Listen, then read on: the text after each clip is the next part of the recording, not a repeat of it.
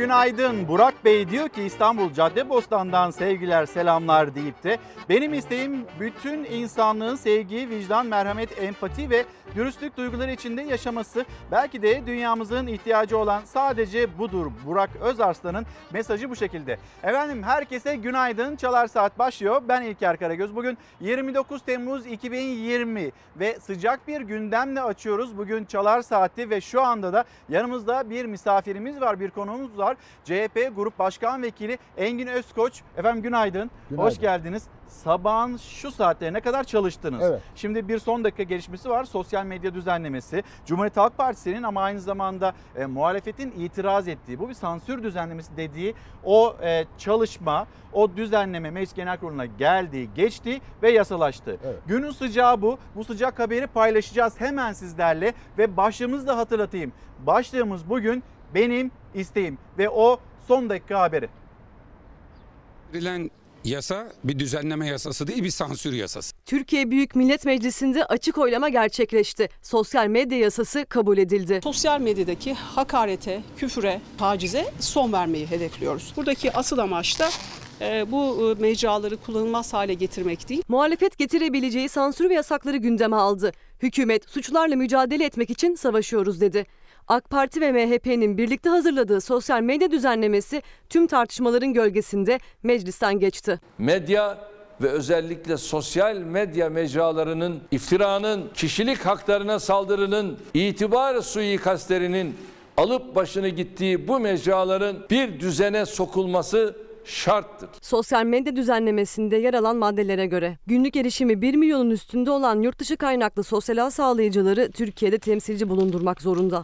Temsilci gerçek veya tüzel kişi olabilir. Temsilci gerçek kişi ise Türk vatandaşı olmak zorunda. Bu kişinin bilgilerinin BTK'ya bildirilmesi gerekiyor. düzenlemelere ihtiyaç olabileceğini düşünüyoruz. Lakin bahane edilerek muhalefetin susturulmaya çalışılmasını da doğru bulmuyoruz. 30 gün içinde bildirim olmazsa 10 milyon lira ceza kesilecek. Ceza kesildikten sonra 30 gün içinde hala bildirim yoksa ceza 30 milyon liraya yükselecek. Söz konusu sosyal ağ %50 ve %90 oranında bant daraltma cezası uygulanacak. Bant daraltma cezası sonrası 4 saat içinde Türkiye'de temsilcilik açılması gerekiyor. En son aşamada ise sosyal ağ sağlayıcılarının reklam sözleşmesi yapması yasaklanacak. Bu mecralarda sanki suç işlemek bir özgürlükmüş gibi e, adlediliyor. Kişilik hakları ihlali varsa sosyal ağ sağlayıcısı olumlu ya da olumsuz olarak 48 saat içinde cevap verecek. Olumsuzsa açıklama istenecek. Kişilik hakları ihlali oluşturan içeriğin çıkarılmasına karar verilebilecek. Kararın 4 saat içinde uygulanması istenecek. Karar arama motorlarıyla da paylaşılacak. Verilen kararın kapsamı doğrultusunda ise para cezası uygulanacak. Yasal düzenleme buradaki özgürlük alanını garanti altına almak için yapılır. Burası gerekli bir alan ama masum bir alan değil. 48 saat içinde yanıt gelmezse söz konusu sosyal ağ sağlayıcısına 5 milyon lira ceza kesilecek. İçeriğin çıkarılması, erişime kapatılması kararı uygulanmazsa ceza 10 milyon liraya yükselecek.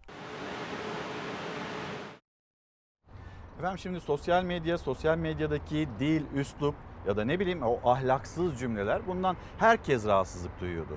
Şimdi en son e, Cumhurbaşkanı Erdoğan'ın kızı Hazine ve Maliye Bakanı Berat Albayrak'ın e, eşi doğum yaptı.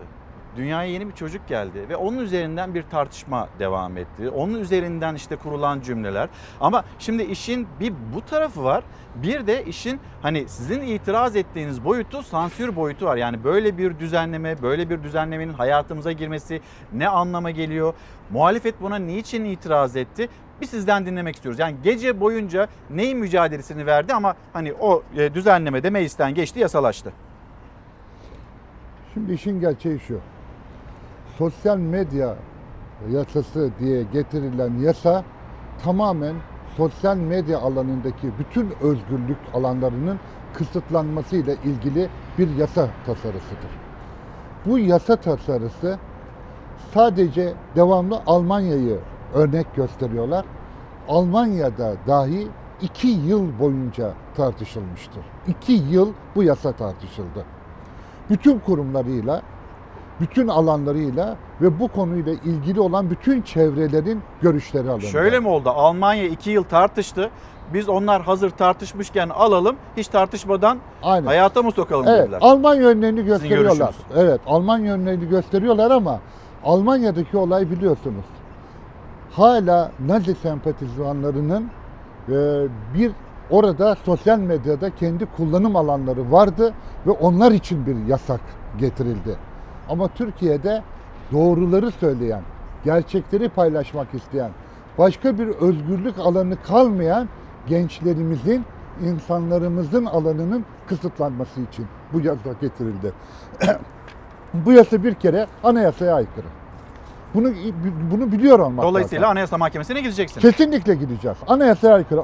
Avrupa İnsan Hakları Sözleşmesi'nin 10. maddesinde ve Türkiye Cumhuriyeti Anayasası'nın 26. maddesinde düzenlenmiş olan düşünceyi açıklama ve yayma özgürlüğüne aykırılık teşkil ediyor.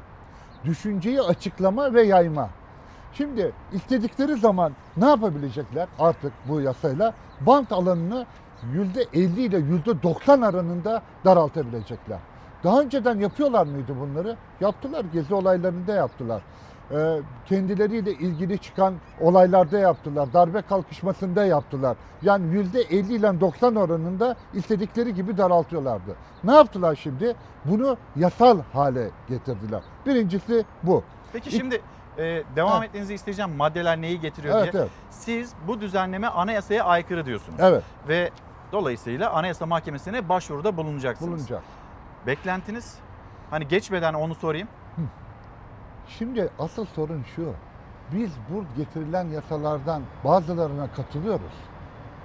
Ama bu yasaların uygulanmasıyla ilgili AKP iktidarına güven duymuyoruz. Çünkü artık Türkiye'de yasalar hakimlerin, yargıçların kararıyla çıkmıyor. Türkiye'de yasalar bir kişinin iki dudağı arasında gerçekleşiyor.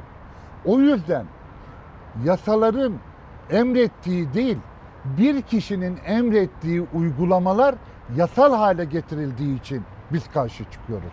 Maddelere devam edecek olursak Evet. Şimdi içeriğin çıkarılması yaptırımı geliyor. Yani herhangi bir konuyla ilgili bir açıklama yapıyorsunuz. Bununla ilgili içeriğin çıkartılması geliyor.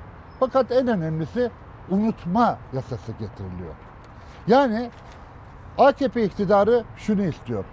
Balyoz ve Ergenekon'la ilgili davalarda Türk milletinin hafızasına ve vicdanına kazınmış olan insanların suçsuz yere hücrelerde mahkum edilip de orada ölmeleri ve yıllarca cezaevlerinde kaldırılmasını unutturmak istiyor. Bir PKK'lı gizli tanığın kendi gizli tanıklığıyla bu Türkiye Cumhuriyeti'nin Genelkurmay Başkanı'nın Genelkurmay Başkanı'nın cezaevine konulup göreve getirilen Genelkurmay Başkanları ve subay ve astsubayların darbe kalkışması yaptığını unutturmak istiyor. yani sizin nezdinizde sadece bir sansür düzenlemesi değil aynı zamanda hafızayı silme düzenlemesi Ha- mi? Tam da bu. Hafızayı silme düzenlemesi. AKP aynı zamanda PKK terör örgütüyle birlikte oturup da uzlaşma adı altında başlattığı, barış görüşmeleri adı altında başlattığı Habur sınır kapısından PKK teröristlerini sokup hendekleri açtırtıp vali ve kaymakamlara emir vererek oradaki menfezlere konulan bombaların Mehmetçiklerimizi öldürdüğü günleri unutturmak istiyor. AKP Fethullahçı terör örgütüyle beraber birlikte yürüdükleri yolda savcı Zekeriya Öz'ün arkasında nasıl durduklarını, Adil Öksüz'ü nasıl serbest bıraktıklarını, savcı Zekeriya Öz'le Adil Öksüz'ün elini kolunu sallayarak bu ülkeyi nasıl terk ettiklerini unutturmak istiyor. AKP bir telefonun arkasından darbe kalkışması yapıyor deyip milletine seslenen bir kişinin darbe kalkışmasını yapan kişilere karşı yurtsever insanlarımızın tankların önüne yatıp şehit düştükten sonra kolları bacakları koparak gazi olduktan sonra onlar için başlatılan Binali Yıldırım'ın emriyle başlatılan ve aileleri için toplanan 309 milyon liranın 3,5 yıldan beri şehit, mağdur ve mazlum ailelerine verilmemiş olmasını unutturmak istiyor. Terör örgütü Beşiktaş'taki polislerimizin terör örgütünde saldırısıyla o kardeşlerimizin orada şehit olması ve onların annelerinin babalarının kendi evlerini satma noktasına geldiği şehit parasının yardımlarıyla ilgili toplanan 84 milyonun verilmemiş olmasını unutturmak istiyor AKP. Peki bir bu- şey daha buyurun. söyleyebilir miyim?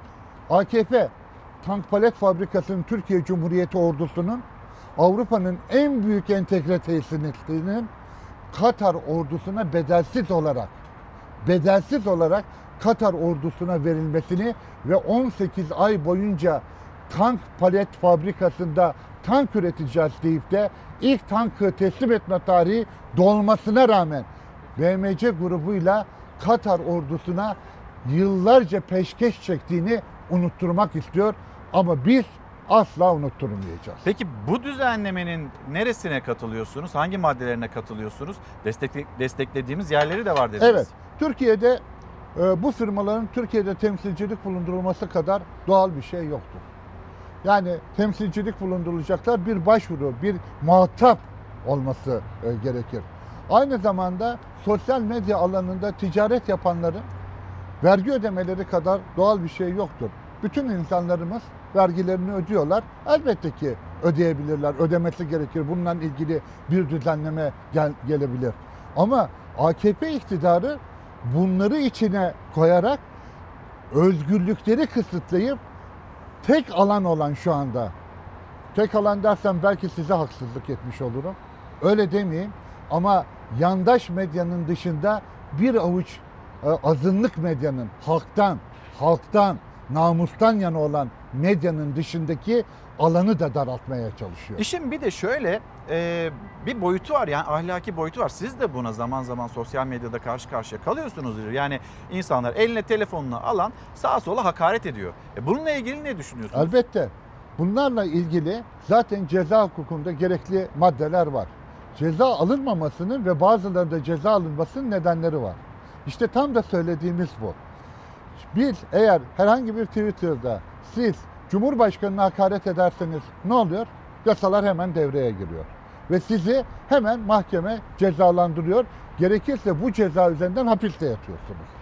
Ama herhangi birimiz özgürlüklerle ilgili, tek adamın yönettiği bu ülkeyle ilgili, bu ülkedeki masumların, mağdurların, aç yoksulların seslerini duyurmakla ilgili herhangi bir görüş bildirdiğimiz zaman o da mahkemelere intikal ediyor. O da mahkemelerde bu sefer ne oluyor? Ceza alıyor. Peki bunu bugün yapan bu iktidarın bu yasalar çıktıktan sonra zaten hakimleri ve yargıçları istedikleri gibi hükmetme yetkisine sahip olan bu iktidarın bu yasalardan sonraki gücünün nereye geleceğini siz artık düşünebilirsiniz diye. Şimdi e, bu konuyu bir kenara koyup diğer sıcak başlıklara da geçmek istiyoruz. Mesela siyasetin konuştuğu bir diğer konu. Diyanet İşleri Başkanı Ali Erbaş. Ali Erbaş'ın kurmuş olduğu cümleler Ayasofya'nın işte e, cami olarak ibadete açıldığı gün cuma namazında minberde lanet içeren ifadeleri ve bu ifadelerle ilgili hala bir devam ediyor polemikleri. Bir haberi paylaşalım. Ne düşünüyorsunuz? Oraya geçelim. Buyurun efendim. Tarihi bilmeden kinle öfkeyle belli koltuklara oturursanız, kendi tarihinizi reddedip yabancıların size dayattığı tarihi ta- gerçek tarihmiş gibi öğrenir ve bunu bulunduğunuz koltukta ifade ederseniz o koltuğa layık değilsiniz. O koltuğu kirletiyorsunuz. Vakfedenin şartı vazgeçilmezdir. Çiğneyen lanete uğrar. Utanmadan Ayasofya'yı düşmandan kurtaran ecdada saygısızlık ederken 16 Türk adasından Yunan bayrakları dalgalanmaya devam ediyor. Onlar şanlı bayrağımızı ateşe vererek milli onurumuza hakaret ediyor ama siz hala Mustafa Kemal'le uğraşıyorsunuz. Yazıklar olsun size, yazıklar olsun. Burada Atatürk'e bir dil uzatılması söz konusu değil. Buna biz müsaade etmeyiz. Muhalefet Diyanet İşleri Başkanı Ali Erbaş'ın Ayasofya'da Cuma hutbesinde Atatürk'e hakaret etti tepkisini üst perdeden sürdürürken günler sonra Beştepe'den de Atatürk'e hakaret edilmedi açıklaması geldi. Ama bu tepkileri dindirmedi. Mustafa Kemal Atatürk ve arkadaşları olmasaydı bugün o camilerin hiçbirisinde beş vakit ezan okunmazdı. Bunu biliyor musun sen? Lanetlerden bahsedenlere sesleniyorum. Saygı göstermek zorundasınız. Atatürk'le alıp veremediğiniz nedir? Kalın kafalara girememiş olsa da Gazi Mustafa Kemal'i anmak bir şereftir. Allah'ın bahşettiği şerefi istemeyene biz zorla şeref verecek değiliz. Geçmişi değil bundan sonrasını kastettim. Uğramıştır demedim, çiğnerse lanete uğrar dedim. Haddinizi aştığınızı sonra bileceksiniz ve sonra geri almak için çaba harcayacaksınız. Erdemli değilsin, dürüst değilsin sen. Atatürk 82 sene önce vefat etti. Vefat eden insanlara dua edilir, beddua değil. 9 aydır o zaman. Elinden tutan mı vardı? Ağzını kapatan mı vardı? İktidarın ve saray bürokratlarının lanet okuduğu o aziz kahramanlarımızın ruhuna Fatiha hediye edelim. El Fatiha. Akşener Atatürk için Ayasofya'da okunması gerekirdi dediği Fatiha'yı grup toplantısında okuttu. Cumhurbaşkanı ise hakaret edildi, lanet okundu tartışmalarına hiç girmiyor. Ancak Ayasofya özelinde kabine toplantısı sonrası kurduğu cümleler dikkat çekiciydi. Türkiye bugün yeni bir diriliş mücadelesi veriyor. Camilerimiz bu ülkenin silüetinde ne kadar öne çıkıyorsa hedeflerimize o kadar yaklaşıyoruz demektir. Dedik ki Ayasofya'yı ibadete açın ama siyasete kapatın. Allah'ın evine siyaset sokma hastalığından bir türlü kurtulamadı. Ortak değerlerimizi suistimal etmekten geri kalmadı. Ben yaptım pozlarıyla caka satıyor. Yine bir riyakarlık, yine kendi ikbalini düşünme hastalığı. Bel altı vurarak kazanım elde etmeye alışmış olanlar içeride ve dışarıda vatandaşlarımızı kışkırtarak milletin değerlerine olan düşmanlıklarını gizlemeye çalışıyorlar. Ama ne yaparlarsa yapsınlar artık yolun sonu görünüyor. Muhalefet partileri CHP de dahil olmak üzere bu sürece destek verdiler. Hatta muhalefet Cumhurbaşkanımıza e, bir çağrıda bile bulundu. Yapmak istiyorsan yap. Hani seni engelleyen mi var? Cumhurbaşkanı isim vermeden muhalefeti Ayasofya kararına karşı durmakla eleştirirken sözcü İbrahim Kalınsa muhalefetin tavrını dillendirdi. Ayasofya için Beştepe'den gelen zıt açıklamalar, Diyanet İşleri Başkanı'nın tepki çeken sözleri tartışma dinecek gibi değil.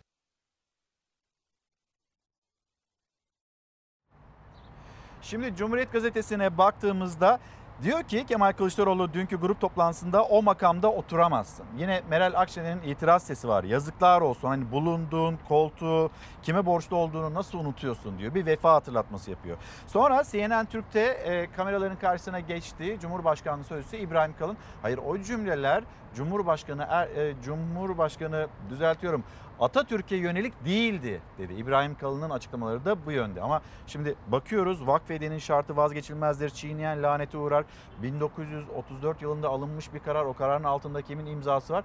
O cümleler kime e, yönelikti sizce? Diyanet İşleri Başkanı kurduğu cümleler? Atatürk'e. O cümleler tamamen Atatürk'e yönelik. O cümlelerle kullanarak Diyanet İşleri Başkanı Atatürk'ün manevi şahsına hakarette bulunmuştur. Aslında bir suç işlemiştir. Aynı zamanda Diyanet İşleri Başkanı şunu bilmelidir. Diyanetin kuruluşu Cumhuriyet Halk Partisi ile ve Cumhuriyet döneminde olmuştur. İlahiyat fakülteleri öyledir. İmam hatipler öyledir. Diyanet İşleri Başkanı'nın birinci derecedeki görevi Allah'ın emirlerini uygun bir lisan ile insanlara anlatmaktır. O bunu yanlış anlamış. O Tayyip'in emirlerini uygun, Tayyip'e uygun bir davranışla ifade etmeye çalışıyor.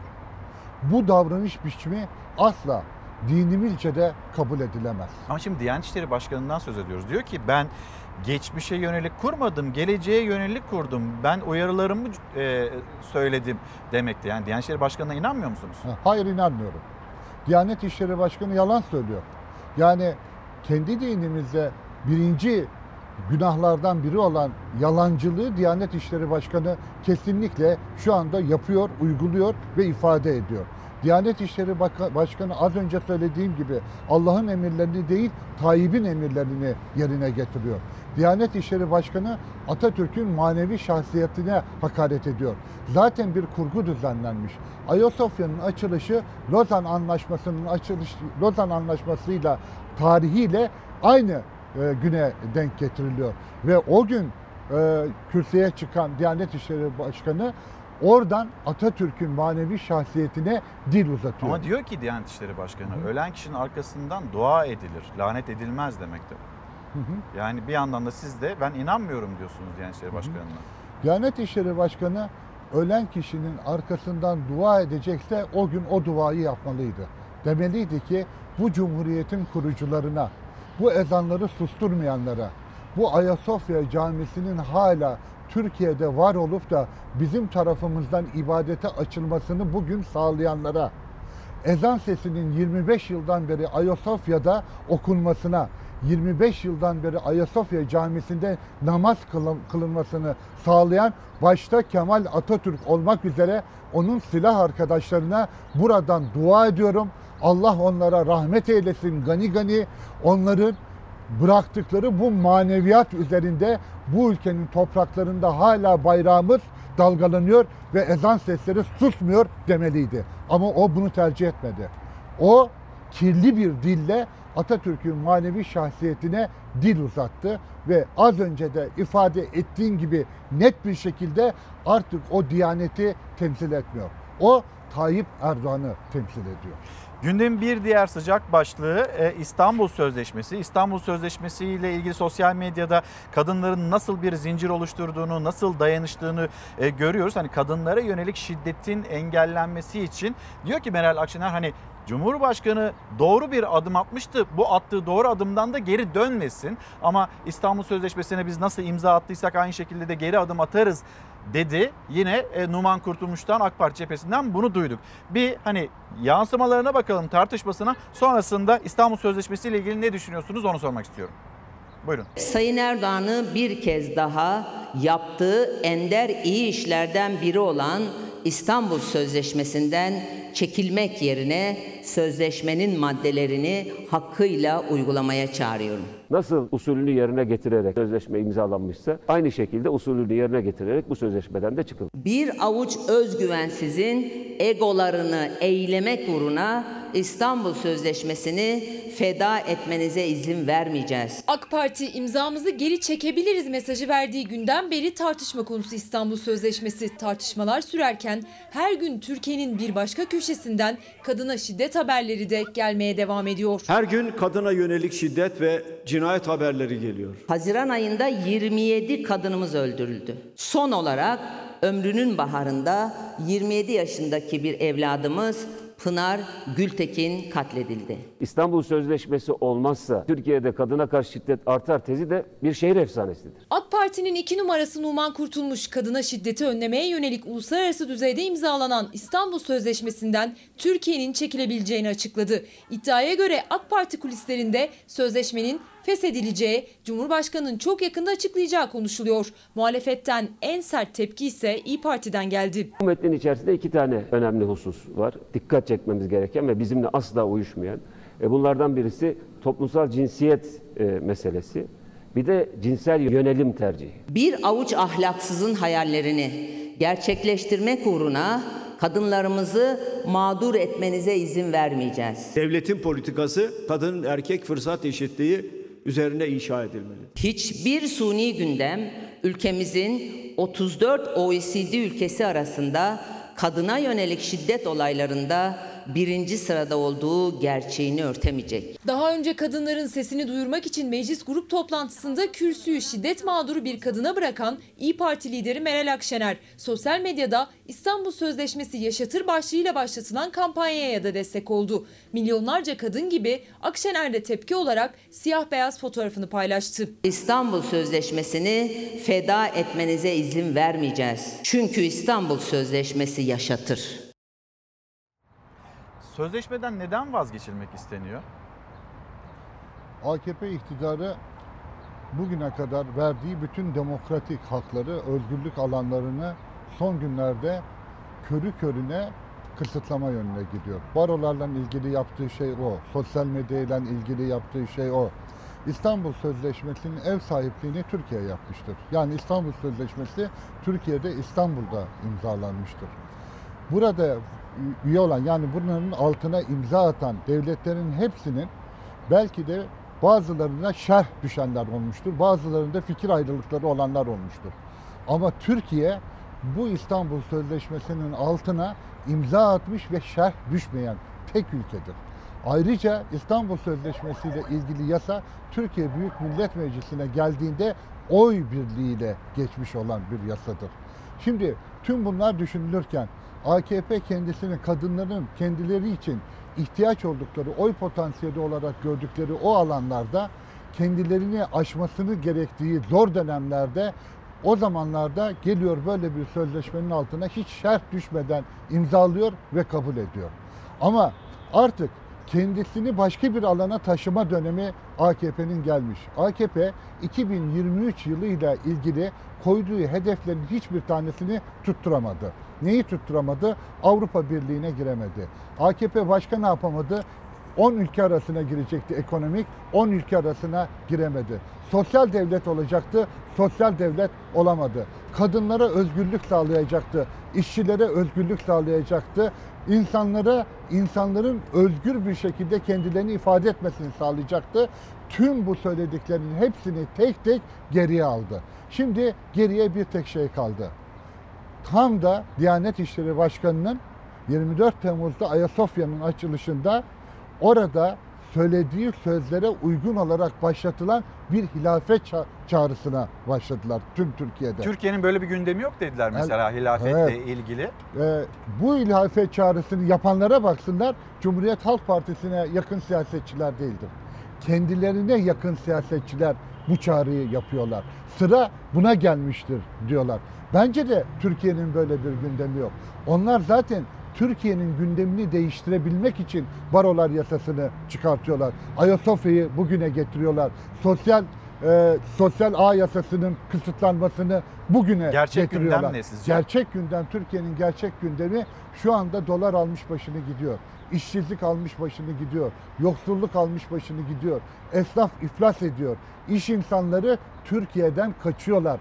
Kendi kuruluşlarının merkezlerini Londra'ya taşıyorlar. Amerika'ya taşıyorlar. Tam böyle bir süreçte meclis tatile girdi. Siz istemiyordunuz galiba değil mi? Bir, meclisin açık olduğu dönemlerde bu ülkenin faydasına olan yasaların görüşülmesi kaydıyla Türkiye Büyük Millet Meclisi'nin açık olmasını istiyoruz.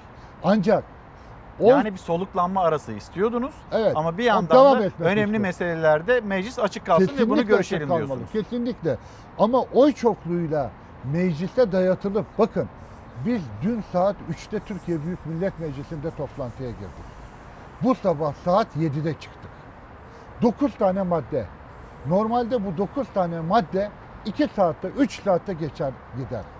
Ama getirilen maddeler sosyal medya ile ilgili getirilen maddeler özgürlük alanlarını kısıtladığı için gençlerimizin kendilerini ifade etme özgürlüğünü elinden aldığı için Cumhuriyet Halk Partisi bir direnme göstermiştir ve sabah saat 7'ye kadar sürmüştür. Peki sabah saat Gerginlikler de oldu. Genel Elbette ki oldu. Çünkü oradan bazı milletvekilleri şerefsiz diye bağıranlar oldu. Haysiyetsiz diye bağıranlar oldu.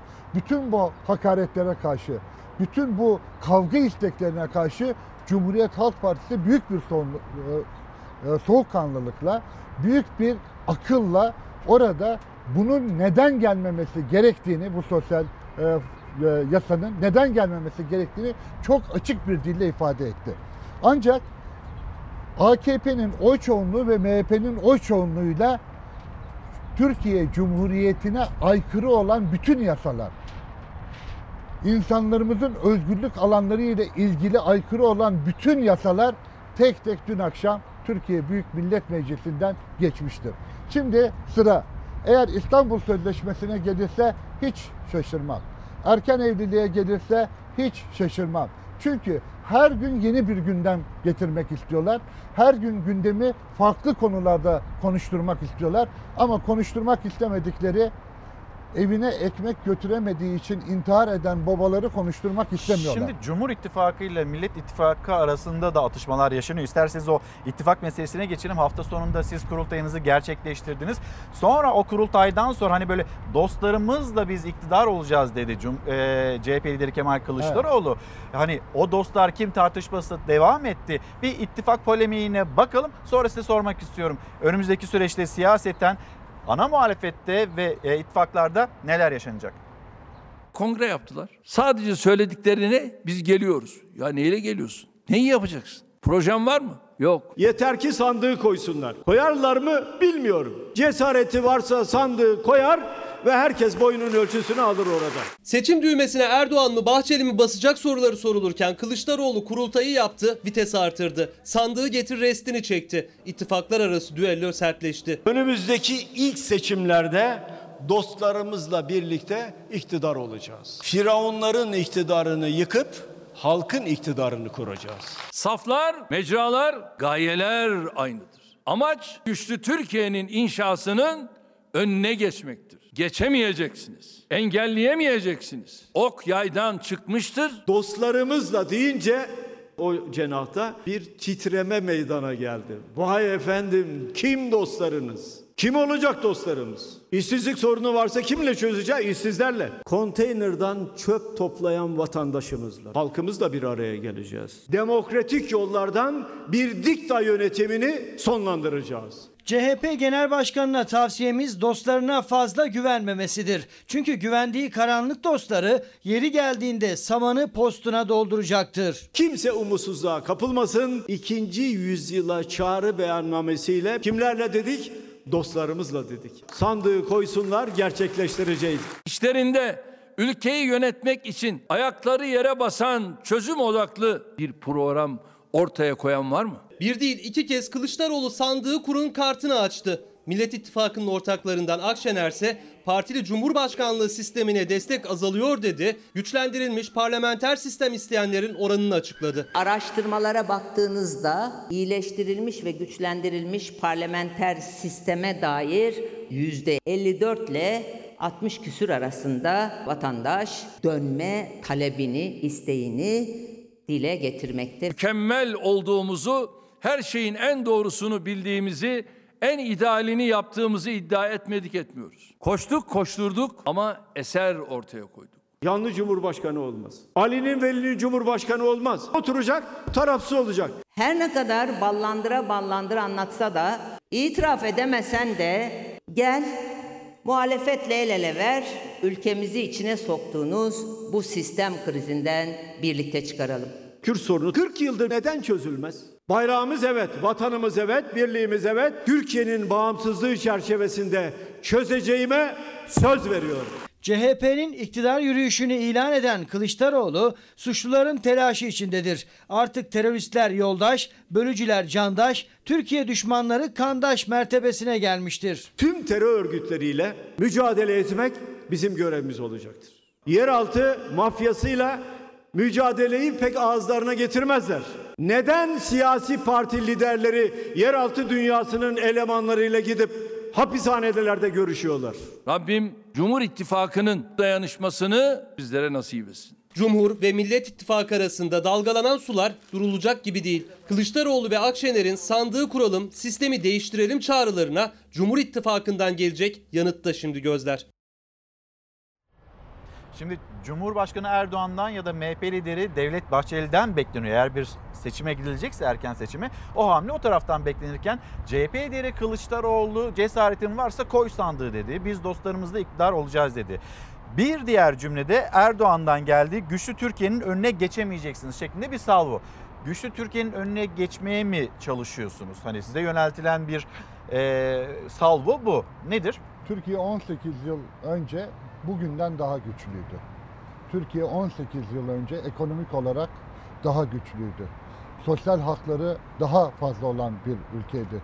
Türkiye daha itibarlı bir ülkeydi 18 yıl önce. Türkiye 18 yıl önce komşularıyla diyalog içerisinde olan, onlarla mutabakat kurabilen bir ülkeydi. Ancak Türkiye bugünlerde artık Avrupa tarafından dışlanan, komşularıyla tamamen bağlarını kopartan, bazı ülkelerin birçoğu ülkelerinde elçiliği olmayan Türkiye artık kendi itibarını yitirmiş bir ülke olarak dünyada konuşulmaktadır. Tayyip Erdoğan'ın getirdiği Türkiye, AKP iktidarının getirdiği Türkiye artık ilk 10 arasına giren ekonomide olan ülke konumundan çıkıp neredeyse 20'nin dışına çıkabilecek bir ülke konumuna gelmiştir. O yüzden o güçlü Türkiye'yi eline alıp bu hale getiren bütün Türkiye'nin topraklarını ve imkanlarını özelleştirmeyle satan, yaptıkları hizmetleri köprüler dahil havaalanları dahil onları borçlandırma yoluyla Türkiye'nin önündeki yıllara da kambur sağlayan bir AKP iktidarının bıraktığı bir enkaz söz konusudur. Cumhuriyet Halk Partisi erken seçim istiyor. Bunu kendisi için istemiyor. Bunu Türkiye'de yaşayan gençler için istiyor. Bunu çiftçiler için istiyor. Bunu apartman görevlileri için istiyor. Bunu kamyon şoförleri için istiyor. Bunu iş dünyası için istiyor. Bunu öğrenciler için istiyor. Evet erken seçim istiyoruz. Çiftçilerimiz için istiyoruz. Esnafımız için istiyoruz. Çünkü onların artık dayanacak gücü kalmadı. AKP iktidarı sarayda gününü gün ederken yandaşlarıyla beraber paralarına para katarken maalesef Türkiye'de yaşayan insanlar artık canlarına tak etti. Çocuklarına iş bulamıyorlar, hayatları kararıyor. İnsanlar intihar ediyorlar, kendilerini yakıyorlar. Dostlarınız kim sorusunun altını böyle mi dolduruyorsunuz? İşte dostlarımız çiftçilerdir bizim. İşte dostlarımız kamyon şoförleridir. İşte dostlarımız apartman görevlileridir. Esnaftır, çiftçidir, öğrencilerdir, emekçilerdir, işçilerdir bizim dostlarımız. Ama o dostlarımızı tekrar itibarlı bir Türkiye'de var edebilmek için siyaseten bizden dayanışma içerisinde olan siyasi partiler de bizim dostumuzdur. Örneğin İyi Parti bizim dostumuzdur. Örneğin Saadet Partisi bizim dostumuzdur.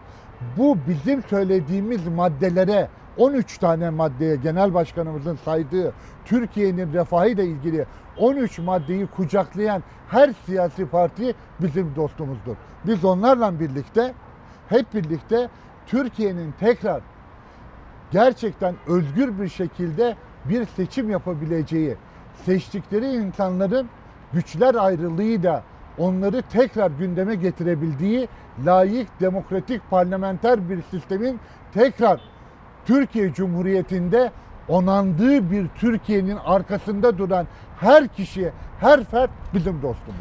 Deva Partisi eğer bu 13 ilkeye uyarsa o da bizim, Bizim dostumuzdur. dostumuzdur. Gelecek Partisi keza Bu 13 öyle. ilkeye uyarsa bizim HDP dostumuzdur. bu 13 maddede birlikte yürüyorlarsa bizimle Evet. o da bizim Evet, dostumuzdur hepsi diyorsunuz. bizim dostumuzdur. Neden? Bu ülkeyi e, Katar'a, Katar ordusuna satmayan insanlar bizim dostumuzdur. Bu ülkede şehit paralarını yenmesine izin vermeyen insanlar bizim dostumuzdur. Bu ülkede e, İstanbul Kanalı adı altında Katar emirinin annesine ve Katar'daki yaşayan insanlara bu ülkeyi 250 bin dolar karşılığında satmasına engel olan herkes bizim dostumuzdur. Bu ülkede tank palet fabrikasının satılmasına göz yummayan insanlar milliyetçi insanlar. Gerçek milliyetçi insanlar bizim dostumuzdur. Atatürk ilke ve inkılaplarına inanan insanlar bizim dostumuzdur. Milletimizin refahından yana olan insanlar bizim dostumuzdur. Biz şunu söylemiyoruz. Cumhuriyet Halk Partisi olarak kendi ideolojik görüşümüzde bu seçimleri yönlendireceğiz demiyoruz. O gün bugün değildir. Biz bütün dostlarımıza ve bütün bu konuyu paylaşan bütün siyasetçilerimize şöyle diyoruz. Gelin özgürce seçimlerin yapıldığı bir Türkiye'yi tekrar inşa edebilmek için birlikte olalım ve o seçimlerden sonra layık demokratik parlamenter düzeni kurup tekrar bir güçlü Türkiye inşa edelim diyoruz. Kurultaya döneceğim. Hani kurultayla ilgili de e, önemli eleştiriler var. Çadır kurultayı şeklinde eleştiriler geldi. Bu arada e, yeni MYK'da sürpriz isimler hemen Cumhuriyet Gazetesi'nden o haberi de aktaralım. CHP'de Tuncay Özkan, Yıldırım Kaya, Ünal Çeviköz ve Aykut Erdoğdu'nun parti meclisine girememesinin ardından Merkez Yönetim Kurulu'nda önemli değişiklikler olacak. 18 olan üye sayısının 15 ya da 12'ye düşürüleceği öğrenildi. 15 mi 12 mi olur? Henüz bir kanaat Böyle bir oluştu şey mu? yok. Söz konusu değil. Selin Sayık Böke'nin dış ilişkiler, Yunus Emre veya e, Lale Karabay'ın eğitim, Ali Öztunç'un basından sorumlu olması bekleniyor. Bülent Tezcan ve Ahmet Akın ile parti meclisine giren 7 gençten birisi MYK'ya girecek denilmekte. Faik Öztürk hani ismini ya da koltuğunu koruyacak kişilerden birisi. Oğuz Kansalıcı kulisleri aktarıyorum. İşte Muharrem Erkek, Gülizar Biçer Karaca, Vela Baba koltuklarını koruyacak isimler arasında sayılıyor. Seyit Torun belediyelerin uyumlu çalışmasından dolayı yine koltuğunu koruyacak gibi görünen isimlerden. E, basın ve kurumsal iletişimle ilgili bir diğer isim e, Erdoğan Toprak olacağı söyleniyor. Tabii biz bunu bayramdan sonra öğreneceğiz. Bu çadır kurultayı eleştirisi son sorum da bu olsun. Dediler ki pandemi sürecinde böyle bir kurultayı yapamazsınız e, dediler. Ancak Yüksek Seçim Kurulu'na sorduk, yapabilirsiniz dendi. Bilim Kurulu'na sorduk, gerekli tedbirlerin alınması koşulu ve açık havada olması koşuluyla yapabilirsiniz dendi. Şu anda Bilkent Üniversitesi'nin öğrencilerinin mezuniyetinin yapıldığı ve güvenli bir şekilde yapıldığı bir alanda, Odeon'da biz bu kurultayı gerçekleştirdik. Ne yaptık? Pandemiyle ilgili tedbirlerimizi aldık. Dışarıda gerçekten herkese parmak ısıttıracak bir organizasyon gerçekleştirdi. Basın mensuplarımız çok uygar bir şekilde görevlerini yerine getirdiler. Dediler ki bu Cumhuriyet Halk Partisi onur üyelerini almayacak dediler. Onur üyelerimiz geldiler, oturdular, çaylarını kahvelerini içtiler. O sırada da kurultayı baştan sona izlediler. Dediler ki onur üyeleri konuşturulmayacak dediler. Onur üyelerimizden söz almak isteyen her onur üyemiz kürsüye çıktı, konuştu. Tartışmanın bir boyutu buydu. Diğer boyutu da CHP'nin yönünü kaybettiğiyle ilgili. Ona ne dersiniz? CHP hiç olmadığı kadar Cumhuriyet Halk Partisi olarak Atatürk'ün yönünde yoluna devam ediyor. Hiç olmadığı kadar layık, demokratik özgürlük alanlarının tekrar açılabilmesi için kararlı bir şekilde yoluna devam ediyor. Cumhuriyet Halk Partisi bugüne kadar, bugüne kadar inançla koruduğu değerleri bir kat daha sarılarak, bugüne kadar Cumhuriyet'in bütün dinamiklerini bir kat daha kucaklayarak yoluna devam ediyor. Ama bunu yaparken şunu da yapıyor. Herkes mi kucaklıyor? Hiç ayrımcılık yapmıyor. Bugün bütün insanları etnik kimliği neyse, yaşam tarzı neyse, düşüncesi neyse hiçbir şekilde onu dışlamadan güçlü bir Türkiye'yi tekrar inşa edebilmek için herkesi kucaklıyor. Efendim çok teşekkür ederim. Ben Cumhuriyet Halk Partisi ederim. Grup Başkan Vekili Engin Özkoç'ta konuştuk. Hem gecenin sıcak gelişmesini sosyal medya düzenlemesini genel kuruldan geçti ve yasalaştı. Ki bu düzenlemeyi Anayasa Mahkemesi'ne götüreceğini söylüyor Cumhuriyet Halk Partisi. Ve diğer yandan da yine siyasetin sıcak konularını. Ve diyor ki Engin Özkoç bu ülkenin gerçek gündemi ekonomi. Şimdi reklamlara gideceğiz ve hani siyasetin de muhalefetin de dikkat çektiği o konuya başla ekonomiye döneceğiz.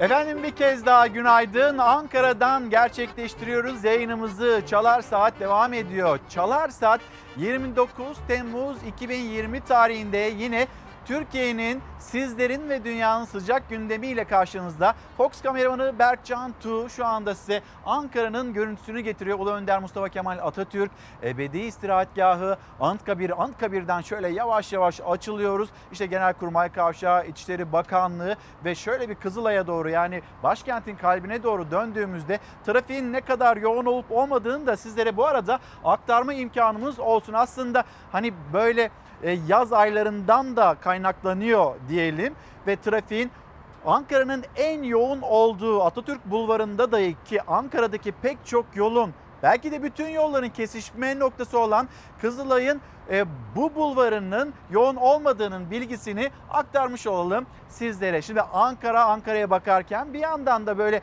hava sıcaklığının başkentte 32 derece seviyelerinde olacağını bugün en yüksek bunun bilgisini de aktardıktan sonra sizleri hızlı bir şekilde memleket havasına ulaştıralım. Memleketin havasını paylaşalım.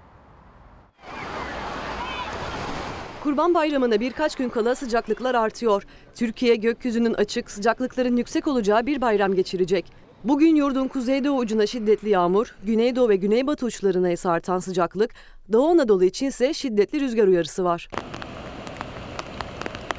Hafta boyunca yağışlı olan Doğu Karadeniz ve Doğu Anadolu'nun kuzeyinde bugün de sağanak yağışlar bekleniyor. Özellikle Ordu, Iğdır, Muş ve Ağrı çevreleri yaşanabilecek olumsuzluklara karşı hazırlıklı olmalı. Doğu Anadolu'nun güneydoğu kesimlerinde ise hızı yer yer saatte 60 kilometreyi bulacak rüzgar bekleniyor. Kuvvetli rüzgarlar ulaşımda olumsuzluklar yaratabilir. Meteoroloji yetkilileri dikkatli ve tedbirli olunmalı dedi. Sıcaklık yağış alan yerlerde 2 ile 4 derece azalacak. Ancak yurdun geri kalanında özellikle de batı kıyıları Doğu Akdeniz ve Güneydoğu Anadolu'da yükseliyor. Ege'de sıcaklıklar 40 dereceyi bulacak. Termometreler Güneydoğu Anadolu'da 40 derecenin altına düşmeyecek. Şanlıurfa 44 dereceye ulaşacak. Vatandaşların özellikle öğle saatlerinde uzun süre güneşte kalmamalarında fayda var. Bazı merkezlere gelince İstanbul bugün 34 derece. Kocaeli, Ankara, Eskişehir ve Antalya 33, İzmir 38, Manisa 40, Van ve Erzurum 30, Diyarbakır 42 derece olacak. Başlığımız benim isteğim ve benim isteğim başlığı altında gelen mesajlar var. Hemen onlara da bakın. Bu arada Türkiye'nin neresinden günaydın diyorsanız bizlere günaydın mesajlarınızı gönderin lütfen. Gündeminizde ne varsa ya da beklentiniz, isteğiniz neyse onları da bizlerle paylaşabilirsiniz. İlker Karagöz Fox Instagram adresim.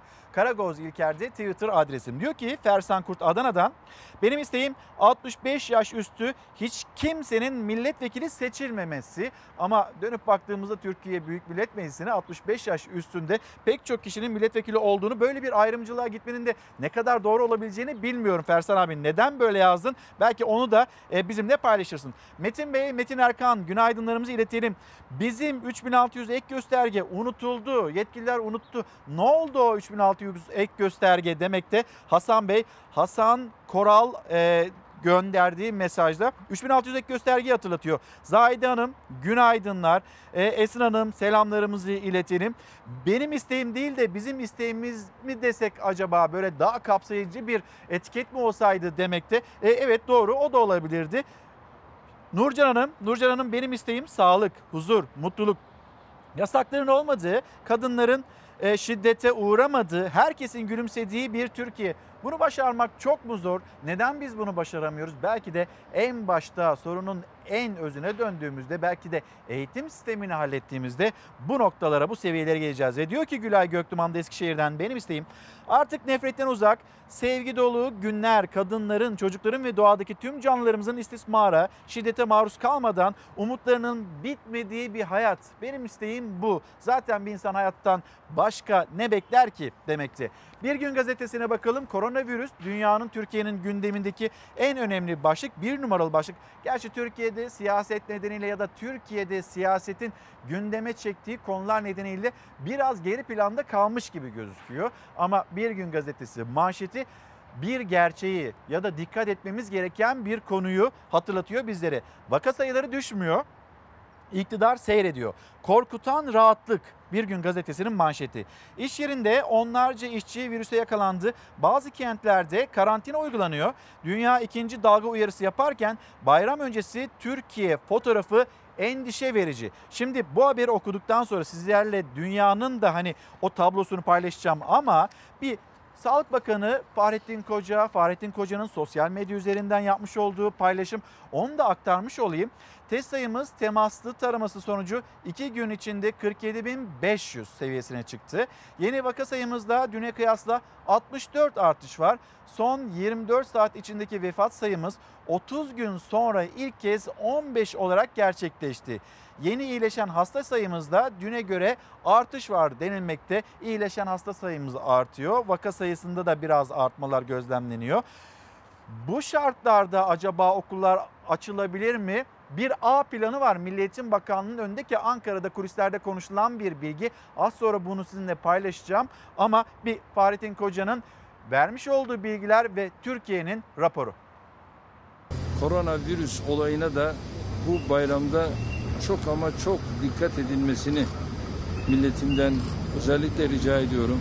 Özellikle temizlik, maske, mesafe bu konuya çok dikkat edeceğiz ve bu şekilde de biz limiti iyice aşağıya çekmemiz lazım ki şu beladan kurtulalım. Bayram öncesi mezarlık ziyaretinde koronavirüs uyarısında bulundu Cumhurbaşkanı Erdoğan. Limiti aşağı çekmemiz lazım dedi. Çünkü 24 saatte görülen vaka sayısı neredeyse bine ulaştı. Temizlik, maske ve sosyal mesafe kurallarını hatırlattı Cumhurbaşkanı. Bir gün öncesinde de yine Kurban Bayramı için uyarıları vardı. Koronavirüs salgınının devam ettiği şu günlerde gerek kurban keserken gerek bayramlaşırken tamam diye ifade ettiğimiz temizlik, maske, mesafe kurallarından asla taviz vermeyelim. Maske takılmasının gerekli olduğunu söyledik ve bunun üzerine arkadaş bize e, saldırmaya başladı. Cumhurbaşkanı Erdoğan maskeden taviz vermedi. Vermeyin dedi ama maskenin önemini anlamayanlar var. Kocaeli'nde bir iş yeri sahibi müşterilerine maske uyarısı yapınca feci şekilde dayak yedi. Saldırdığı zaman zaten olay görüldüğü gibi şu anda e, kaşımda iki tane dikiş var, dudağımda iki tane dikiş var. İşte o duyarsızlar hatta başka canlara kastedenler nedeniyle beklenen iyileşme bir türlü görülmüyor. 28 Temmuz tablosuna göre bir günde koronavirüse yakalananların sayısında artış oldu. 963 kişiye Covid-19 teşhisi kondu. 15 kişi hayatını kaybetti. Toplam can kaybı 5645'e yükseldi. Salgın devam ederken yaklaşan Kurban Bayramı için herhangi bir kısıtlamaya gidilmedi. Ancak Cumhurbaşkanı Erdoğan kurban kesimlerinin bayrama yayılmasını önerdi. Kurban kesim yerlerinde yoğunluk oluşmaması için bayramın ikinci ve üçüncü günlerinin de değerlendirilmesini tavsiye ediyoruz. Kurban Bayramı ile ilgili uyarılar bilim kurulundan da geldi. Bilim Kurulu üyesi Profesör Doktor Tevfik Özlü her 10 bin kişiden 25 kişinin virüs taşıdığını duyurdu. Kurban Bayramı ziyaretlerinde kurallara uymaya çağırdı. Çünkü kurallara uymak virüsten koruyor. Bir kişiyle temas ettiğimizde onun son 10 günde temas ettiği binlerce kişiyle de temas etmiş oluyoruz. Sahil ve plajlarda, kalabalık sokaklarda, park ve bahçelerde, hayvan pazarlarında, toplu taşımada, kurban kesim yerlerinde, cuma ve bayram namazlarında, tatil beldelerinde, turistik tesislerde, bayram ziyaretlerinde bunu unutmayalım. Karşımızda bir değil binlerce kişi var. Profesör Tevfik Özlü, maske, mesafe ve hijyen kurallarına uyulmasıyla bulaşma riskinin %100'e yakın önlenebileceğinin altını da çizdi. Tedbirleri gözden geçirmek ve salgını değerlendirmek için Sağlık Bakanı Fahrettin Koca, İçişleri Bakanı Süleyman Soylu ile görüştü. Görüşmenin öne çıkan başlıklarını Bakan Koca sosyal medya hesabından paylaştı. İçişleri Bakanımız Sayın Süleyman Soylu ile bugün yaptığımız kapsamlı görüşmede salgında mevcut durumu, dünyada ve ülkemizdeki seyri değerlendirip tedbirleri ele aldık. Bakanlıklarımız arası koordinasyonu, Kurban Bayramı'nda gerekli uygulamaları gözden geçirdik. Hemen bir de dünya raporuna bakalım ama e, bir sosyal medya paylaşımı koronavirüs Turkish Agency ve hani burada ne paylaşılmış hemen aktaralım sizlere de. Türkiye Büyük Millet Meclisi'nde koronavirüs vaka sayısı 11'i milletvekili olmak üzere 43'e yükseldi. Az önce Engin Özkoç burada misafirimiz de sordu kendisine hani burada verilen rakamlar doğru mu değil mi diye. Evet kendisi de teyit etti. Milletvekillerinde bu e, virüsün hani çıktığının bilgisini yine Engin Özkoç'tan aldık. Türkiye Büyük Millet Meclisi'nde 11'i milletvekili olmak üzere 43 kişi de bu virüse rastlandı. Ve Türkiye'nin raporunu aktardıktan sonra bir de dünyanın raporuna bakalım. Çünkü dünyada ikinci dalga endişesi özellikle hani kendisini en fazla korumaya çalışan ve bu süreçte en başarılı ülkeler arasında sayabildiğimiz Almanya'da dahi var ve Almanya ikinci bir dalganın endişesini yaşıyor. Ve dünya buna hazırlık yapıyor. Diğer tarafta da Trump. Trump acaba ben aşıyı bulursam bir dünya kahramanı olarak ortaya çıkabilir miyim bunun hesabında? Hani bu koronavirüsün ilk günlerinde ciddiye almıyordu. Bu dezenfektan falan diyorsunuz. Bunlarla kendimizi koruyabileceğimizi söylüyorsunuz. Acaba şöyle damardan enjekte etsek de kendimizi korusak mı diyen dalga geçen Trump şimdi harıl harıl aşının bulunması için çaba sarf ediyor. Covid-19'da ikinci dalga kapıya dayandı. Avrupa gevşetilen tedbirleri sıkılaştırmaya başladı. İspanya'nın başkenti Madrid'de maske takmak zorunlu hale getirildi. Aşı için en kritik adım atıldı. 30 bin gönüllü üzerinde test aşamasına geçildi. Başlangıç noktası Çin olan ve kısa sürede dünyayı saran salgında virüsün yayılımı sürüyor. Dünya genelinde Covid-19 tespit edilenlerin sayısı 16 milyon 900 bine ulaşmak üzere. Salgında 663 binden fazla kişi de hayatını kaybetti. Covid-19'un en çok etkilediği ülke Amerika Birleşik Devletleri. Son 24 saatte 659 kişi daha hayatını kaybetti. Amerika'da virüs bulaşan kişi sayısı ise bir günde 61.534 arttı. 4,5 milyona dayandı. Amerika'da durumun kötüleştiği Florida'da Covid-19'a yakalanan çocukların oranı %34 artış gösterdi. Hastaneye kaldırılan çocuk oranı ise son 8 günde %23 arttı. Son verilerin ardından eyalette okulların sonbaharda açılmasına yönelik tartışmalar daha da alevlendi. Avrupa'da ise ikinci dalga endişesi büyüyor. İkinci dalganın başladığı belirtilen Belçika, Mayıs ayında gevşettiği önlemleri sıkılaştırma kararı aldı. Aile ziyareti, sosyal iletişimde bulunacak kişi sayısı ve kitlesel etkinliklere katılma sınırlandırıldı. Salgından en sert etkilenen ülkelerin başındaki İspanya zar zor toparlanıyordu ki vakalar yeniden artmaya başladı. Başkent Madrid'de maske takmak zorunlu hale getirildi. İngiltere ve Almanya İspanya'da virüsün yeniden yayılım gösterdiği bölgelere seyahat uyarısı yaptı. İngiltere Başbakanı Johnson bazı ülkelerdeki artışları ikinci dalganın işareti olarak yorumladı. İspanya'ya seyahat uyarısı kararını savundu. Avrupa ülkelerine ikinci dalganın önlenmesi konusunda net olmaları uyarısı yaptı. İkinci dalganın etkisindeki İran'da son 24 saatte 235 kişi daha hayatını kaybetti. Toplam can kaybı 16.147'ye yükseldi. 2667 kişide virüs tespit edildi. Bu 8 Haziran'dan sonra kaydedilen en yüksek rakam oldu. Dünyada günlük vaka rekorları kırılırken aşı konusunda önemli bir aşamaya geçildi. Aşı çalışmalarını yürüten Amerikalı bir şirket son test aşamasının başladığını duyurdu. Geliştirilen aşı 30 bin gönüllü üzerinde test edilecek. Ulusal Güvenlik Danışmanı'nda virüs tespit edilen Başkan Trump bir kez daha maske takıp kamera önüne çıktı. Trump ülkede geliştirilen ikinci bir aşı için de birkaç güne kadar son denemelere geçileceğini söyledi. Benim isteğim hemşirelerin hakkı yeniliyor. Bir acil hemşiresi olarak pandemi hastalarına bakmamıza rağmen bu ay döner sermaye yatmadığı bir hemşiremiz e, bizim de sesimizi duyurun demekte. Mehmet Bey günaydınlar Şanlıurfa Ceylan Pınar'a Pınar'a selamlarımızı iletelim.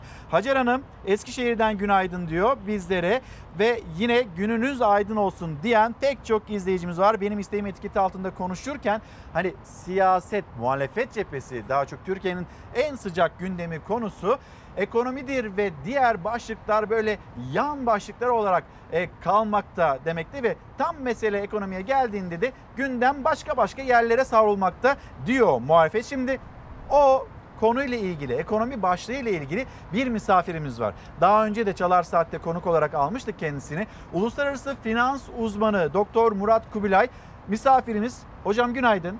Hoş Günaydın. geldiniz. Şimdi piyasaları konuşmak istiyoruz sizinle. Yani dolar ne oluyor? Bir uykudan uyandı çünkü dolar. E altın sürekli rekorlar kırıyor. Bu böyle devam edecek mi? E euroya dönüp baktığımızda herkes doları konuşuyor ama euro zaten aldı başını gidiyor. Ne oluyor? Bunu konuşmak istiyoruz. Aynı zamanda işsizliği konuşalım, enflasyonu konuşalım. Emeklerimiz geçinemiyor, geçinemiyorum diyor. Onu konuşalım. Sizin ortaya koyacağınız perspektifi çok merak ediyorum. Ama önce siyasetin gündemindeki bir başlık hani ekonomi başlığına bir de siyasetçilerin gözünden bakalım. Diyor ki iktidar ya da Cumhur İttifakı savunulabilir bulmakta ve Cumhur İttifakı işte Hazine ve Maliye Bakanı onun atmış olduğu adımları doğru buluyor. Ee, yine pembe tablolar çiziliyor iktidar tarafından ama muhalefete baktığımızda ortada hiç öyle bir tablo yok. Ey gidi günlere. Memurunun maaşını ödeyemeyen kişiler vardı biliyorsunuz. Bunlar şimdi muhalefette. Bizim böyle bir problemimiz olmadı. Her şey tıkır tıkır tıkır işledi. 1 milyon 701 bin kişi zorunlu ücretsiz izne çıkarıldı. Günde 39 liraya geçineceksin diyor. Kayınpeder ve damadın elde avuçta ne varsa tüketen yanlış politikaları sonucu ülkemizin yaşadığı sıkıntılar ortada. Memleketin dört bir yanında geçim derdi var. İşsizlik var. Cumhurbaşkanı geçmişle bugünü kıyasladı. Memur maaşları, emekli ikramiyeleri üzerinden özetledi ekonomik tabloyu. Muhalefet ise farklı örnekler koydu ortaya. Ekonomi iyi yönetilmiyor derken. Kılıçdaroğlu hazine garantili olarak yapılan Kütahya Havaalanı'nı taşıdı bir kez daha gündeme. 50 milyon avroya yapmış müteahhit. Yolcu garantisi vermişiz. 29 yıl 11 ay çalıştıracak burayı. 50 milyon karşılığında 205 milyon 281 bin 118 avro vereceğiz. Kimin parasını veriyoruz? Yolsuzlukla mücadele lafını hiç ağızlarından duyuyor musunuz? Duymuyorsunuz. Yolsuzluklarla mücadeleyi dile getirenlerle mücadele ediyorlar. Emeklimize biner lira bayram ikramiyeleri, ikramiyelerini ödüyoruz. Yüksek öğrenim öğrencilerimizin kredi ve burs ödemelerini de bayram öncesi tamamlayacağız. İktidar ve muhalefetin mesajlarında rakamların dili çok farklı. Pandemi sürecinde alınan önlemler, açıklanan paketler de ekonomi başlığında liderleri karşı karşıya getirdi. Maalesef milletimiz kan ağlamaya devam ediyor. Zorluklar içindeki milletimize sürekli cambaza bak deniyor. İktidar nifak tohumlarıyla gerçek gündemi perdelemek istiyor. 1 milyon 701 bin kişinin çocuğu hastalandığında veya kendisi hastalandı. Para vermeden tedavi olamayacak. Bunu söylüyoruz ama çoğu vatandaşın başına geldiği zaman öğreniyor. 100 milyarlık bir kaynak ayırın dedik. Bu kaynağı zaten bu iktidar dönemi- döneminde semire semire büyümüş şirketlere değil, işsizlere, işçiliğini kaybeden işçilere, esnaflara, çiftçilere hibe olarak verin dedik. Kredi olarak değil. Bugüne kadar ödediğimiz bayram ikramiyesi tutarı 64,2 milyar liradır. Ekonominin sıcağı siyasetin de hararetini sürekli yükseltiyor. Murat Bey şimdi Hazine ve Maliye Bakanı Temmuz rakamlarına baktı ve maşallah dedi. Şu anda ortada e, maşallah denilecek bir durum var mı? Siz nasıl gözlemliyorsunuz? E, bakıyoruz piyasalara, bakıyoruz çarşı pazara, bakıyoruz pahalılığa. Hani vatandaşın ekonomisi cephesinde böyle bir tablo yok. Siz ne dersiniz? Şimdi Bakan Albayrak'ın söylediklerinin iki tane temeli var. Birinci temel e, tabii ki e, ekonomi kapatıldığı için Mart'ta, Nisan'da, Mayıs'ta e, önümüzdeki aylar birazcık daha iyi oluyor. Salgındaki olumsuz sonuçları bir kenara bırakıyorum. Bir diğeri ise güven endeksleri. Güven endeksleri ise bireylerin algılarına bağlı. Reel kesim olabilir, perakende sektörü olabilir, e, hane halkı olabilir. E, buralarda da bir iyileşme var. Fakat aynı iyileşmeye sahip olan hane halkı, örneğin e, tüketicilerden bahsedelim. Nedense sürekli döviz tevdiat hesaplarını tercih etmeyi düşünüyor. Sürekli parasını buraya yatırıyor. Şu anda e, hem şirketlerin, tüzel kişilerin hem de bireylerin e, döviz cinsi mevduatı, bunu altın, avro ve dolar dahil e, toplam 204 milyar dolar. Bu Cumhuriyet tarihinin rekoru ve neredeyse tüm mevduatların yarısı %48'i kadar bir oran. E, dolayısıyla ekonomide güven varsa, işler iyiye gidiyorsa neden e, vatandaşta böyle bir dövize talep var? Yurt dışına bakıyoruz. Yurt dışındaki yatırımcıların e, Türkiye varlıklarından çıkışı devam ediyor. E, Neden gidiyorlar Türkiye'den? E, tabii bu e, esasında yanıtı kolay olan bir soru. Şöyle diyebiliriz. Güven eksikliğinden Türkiye'nin geleceğine dair bir güven sorunu yaşıyorlar. E, Türkiye Yani ekonomisinin şimdi dinamizmini... Hazine ve Maliye Bakanı güven endeksinden memnuniyet cümlesi kurarken Türkiye'den yatırımcının gidiyor olması bir güven eksikliğinin sonucu. E, doğrudur. Tabii E, ki burada bunun ciddi bir çelişki var. Başka boyutları da var. Şöyle, şimdi bu varlıkların fiyatları şu dönemde, son dönemde yükseldi. Özellikle borsada İstanbul'da biliyoruz yukarı 120 bine doğru artık 1200 diyoruz 2-0 atıldı. E, yükseldi. E, yabancılar için de daha iyi bir yerden satıp hazır Türk lirası da çok değer kaybetmemişken uygun fiyattan çıkma imkanı verdi. Şöyle söyleyeyim yılbaşından itibaren e, devlet iç borçlanma senetlerinden 7 milyar dolar, e, borsadan da 5 milyar dolarlık bir çıkış oldu. Bunlar Türkiye çapındaki, büyüklüğündeki bir ülke için büyük rakamlar. E, tabii ki e, bir, Türkiye'nin büyüme beklentisi artık pek yok. İki, Türkiye'nin enflasyon sorununu çözebilmesine dair bir inanç yok. Bu zaten bizim vatandaşların da e, pek artık ikna olmadığı bir konu. E, bunun haricinde daha önemli bir şey var. Koronavirüs nedeniyle küresel risk iştahı azaldı. Yani sadece Türkiye değil, Endonezya'dan da, Hindistan'da, Brezilya'dan da para çıktı. Fakat Türkiye bu ülkelere kıyasla birazcık daha kırılgan durumda. Ee, bu da bir yıldan daha kısa vadeli olan hem devletin hem özel sektörün hem de vatandaşların hem de bankaların toplam e, dış borcu 169 milyar dolar. Bu rakam Türkiye çapındaki bir ekonomi için çok büyük. Türkiye bunu nasıl döndürecek, nasıl ödeyecek, yeniden borçlanabilecek mi, koşulları nasıl olacak çok soru işareti var. E böyle olunca da yabancı yatırımcı diyor ki e, yani ben burada yatırım yapmak zorunda değilim. Ee, üstüne üstlük de hükümetin aldığı bazı önlemler var. Sermaye çıkışını zorlaştırıcı. Bakın yarın öyle bir şey olur ki her ne kadar hükümet asla yapmayacağız desek de sermaye kontrolleri, yurt dışına parayı çıkarmakta bir zorluk yaşanırsa eğer biz çıkaramayız Türkiye'de kalmak durumunda e, oluruz. Bunu da istemiyoruz diyerek piyasadan sürekli bir çıkış yaşanıyor Ama maalesef. hükümet öyle bir adım atmaz. Öyle bir e, bir şey mi var? Ee, şimdi şöyle son iki yılda yani 2018'deki kur atağını yaşadığımız dönemden itibaren yabancıların Türk lirasına ve dövize erişimde zorluklar çıkarıldı. Aynı zamanda biliyorsunuz döviz alırken %1 vergi ödeniyor. Kimlik bilgilerinizi veriyorsunuz. Aracı kurumları ve bankaların işlem defterleri izleniyor. Yani bir şekilde bir hafif bir baskı var. Ama biz buna sermaye çıkışını engellemek diyemeyiz. Sadece sürtünme kat sayısını biraz arttırıyor. Biraz Çünkü zorlaştırıyor. olarak döner. Ee, Sokağa da bakmak istiyoruz. Bu arada bu güven endeksini kim hesaplıyor? TÜİK tarafından her ayın başında e, anketler yoluyla bunlar hesaplanıyor. Ayın ikinci yarısı da açıklanıyor. Onu da TÜİK hesaplıyor. Evet. Biz daha önce konuşmuş muyduk? Siz TÜİK'e e, güveniniz neydi? E, ben şöyle bir şey söyleyeyim. TÜİK'in yaptığı anketler çok geniş kapsamlıdır. Yani siyasi partiler için yapılan e, seçim anketleri vardı. Onlar gibi 2-3 bin kişi değil, 10 bin, 20 bin, kimisinin 30 bin kişiye varar. Veya enflasyon için yüzlerce iş yerinden fiyat alınır. Hiç size denk geldi mi? Ben onu merak ediyorum. Bana hiç denk gelmedi. Size geldi mi? Bana da denk gelmedi. Gelmedi. Ee, O yüzden mi arıyor herkes hani TÜİK hangi marketten alıyor bu hesapları diye? Evet hep, hepimiz bunu merak ediyoruz. Yani Türkiye'nin belirli derecede kurumsallığının zayıfladığını biliyoruz. Ama e, bütünüyle kalktığını E söylemek masa çok yanlış mı olur. hazırlanıyor diyorsunuz? Ya da bir telefon böyle sokağın realini yansıtmayan bir e, çalışma mı yürütülüyor TÜİK tarafından? Yani bunu bu çok ciddi bir iddia olur. Bunun arkasını doldurabilmemiz lazım. Sadece topluma tamamen mal olduğu hissiyatından ben de biraz uzağım. Ben de kendi hayatımda aynı rakamları, verileri, gelişmeleri görmüyorum. Ee, ancak dediğiniz gibi yani doğrudan bir şey söyleyebilmek için elimizde net donelerin olması lazım. Şimdi siyaset böyle hay maşallah derken bir yandan açık rakamlarının e, 2406 lira olduğunu hatırlatalım. Yani asgari ücretin üzerinde. E, yine yoksulluk sınırı rakamının da 7838 lira olduğunu bir kez daha hatırlatalım. Ve bir bakalım piyasaları sonra bu piyasaların hani ateşi neden yükseldi, dolar uykusundan neden uyandı onu merak ediyor herkes. Hocamıza soralım.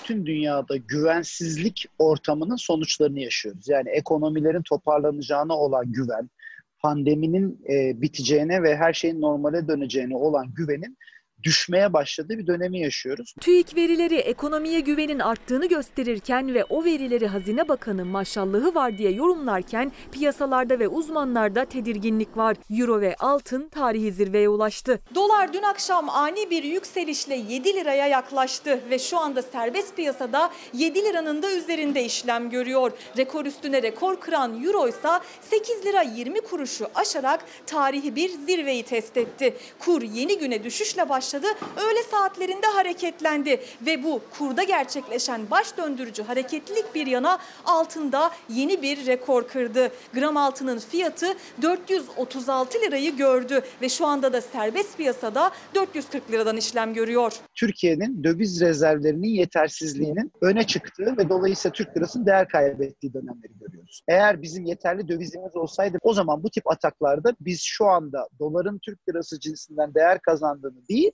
değer kaybettiğini görecektik. Bu rekorlar kırılmayacaktı. Asgari ücretin 3 çeyrek altına denk geldiği Türkiye'de rekor kıran döviz ve altın tüketiciye zam demek aslında. A'dan Z'ye her ürün etkilenecek artıştan. Uzmanların da dikkat çektiği enflasyon. Evet güven artıyor, toparlanıyor enflasyon belası da daha hızlı bir şekilde karşımıza çıkacakmış gibi gözüküyor. Enflasyondaki artışı cebinde, mutfağında hissedecek olan tüketici. Pandemi dönemi zaten zorlukla geçiyor. Esnaf satamıyor, çalışanlarını da ücretsiz izne çıkarıyor ve yaşanan geçim sıkıntısı fiyatlar daha da artarsa katlanacak. Tüketicinin ekonomik durumuysa rakamlarla ortada. Türk İş'in araştırmasına göre Temmuz ayında 4 kişilik bir ailenin açlık sınırı 2406 lira. Bu rakamı şöyle anlatalım. Açlık sınırı 2324 lira olan asgari ücretin 82 lira üzerinde. Yani 4 kişilik bir ailede asgari ücretli çalışan aldığı maaşla bırakın evini geçindirebilmeyi ailesiyle birlikte açlık sınırının da altında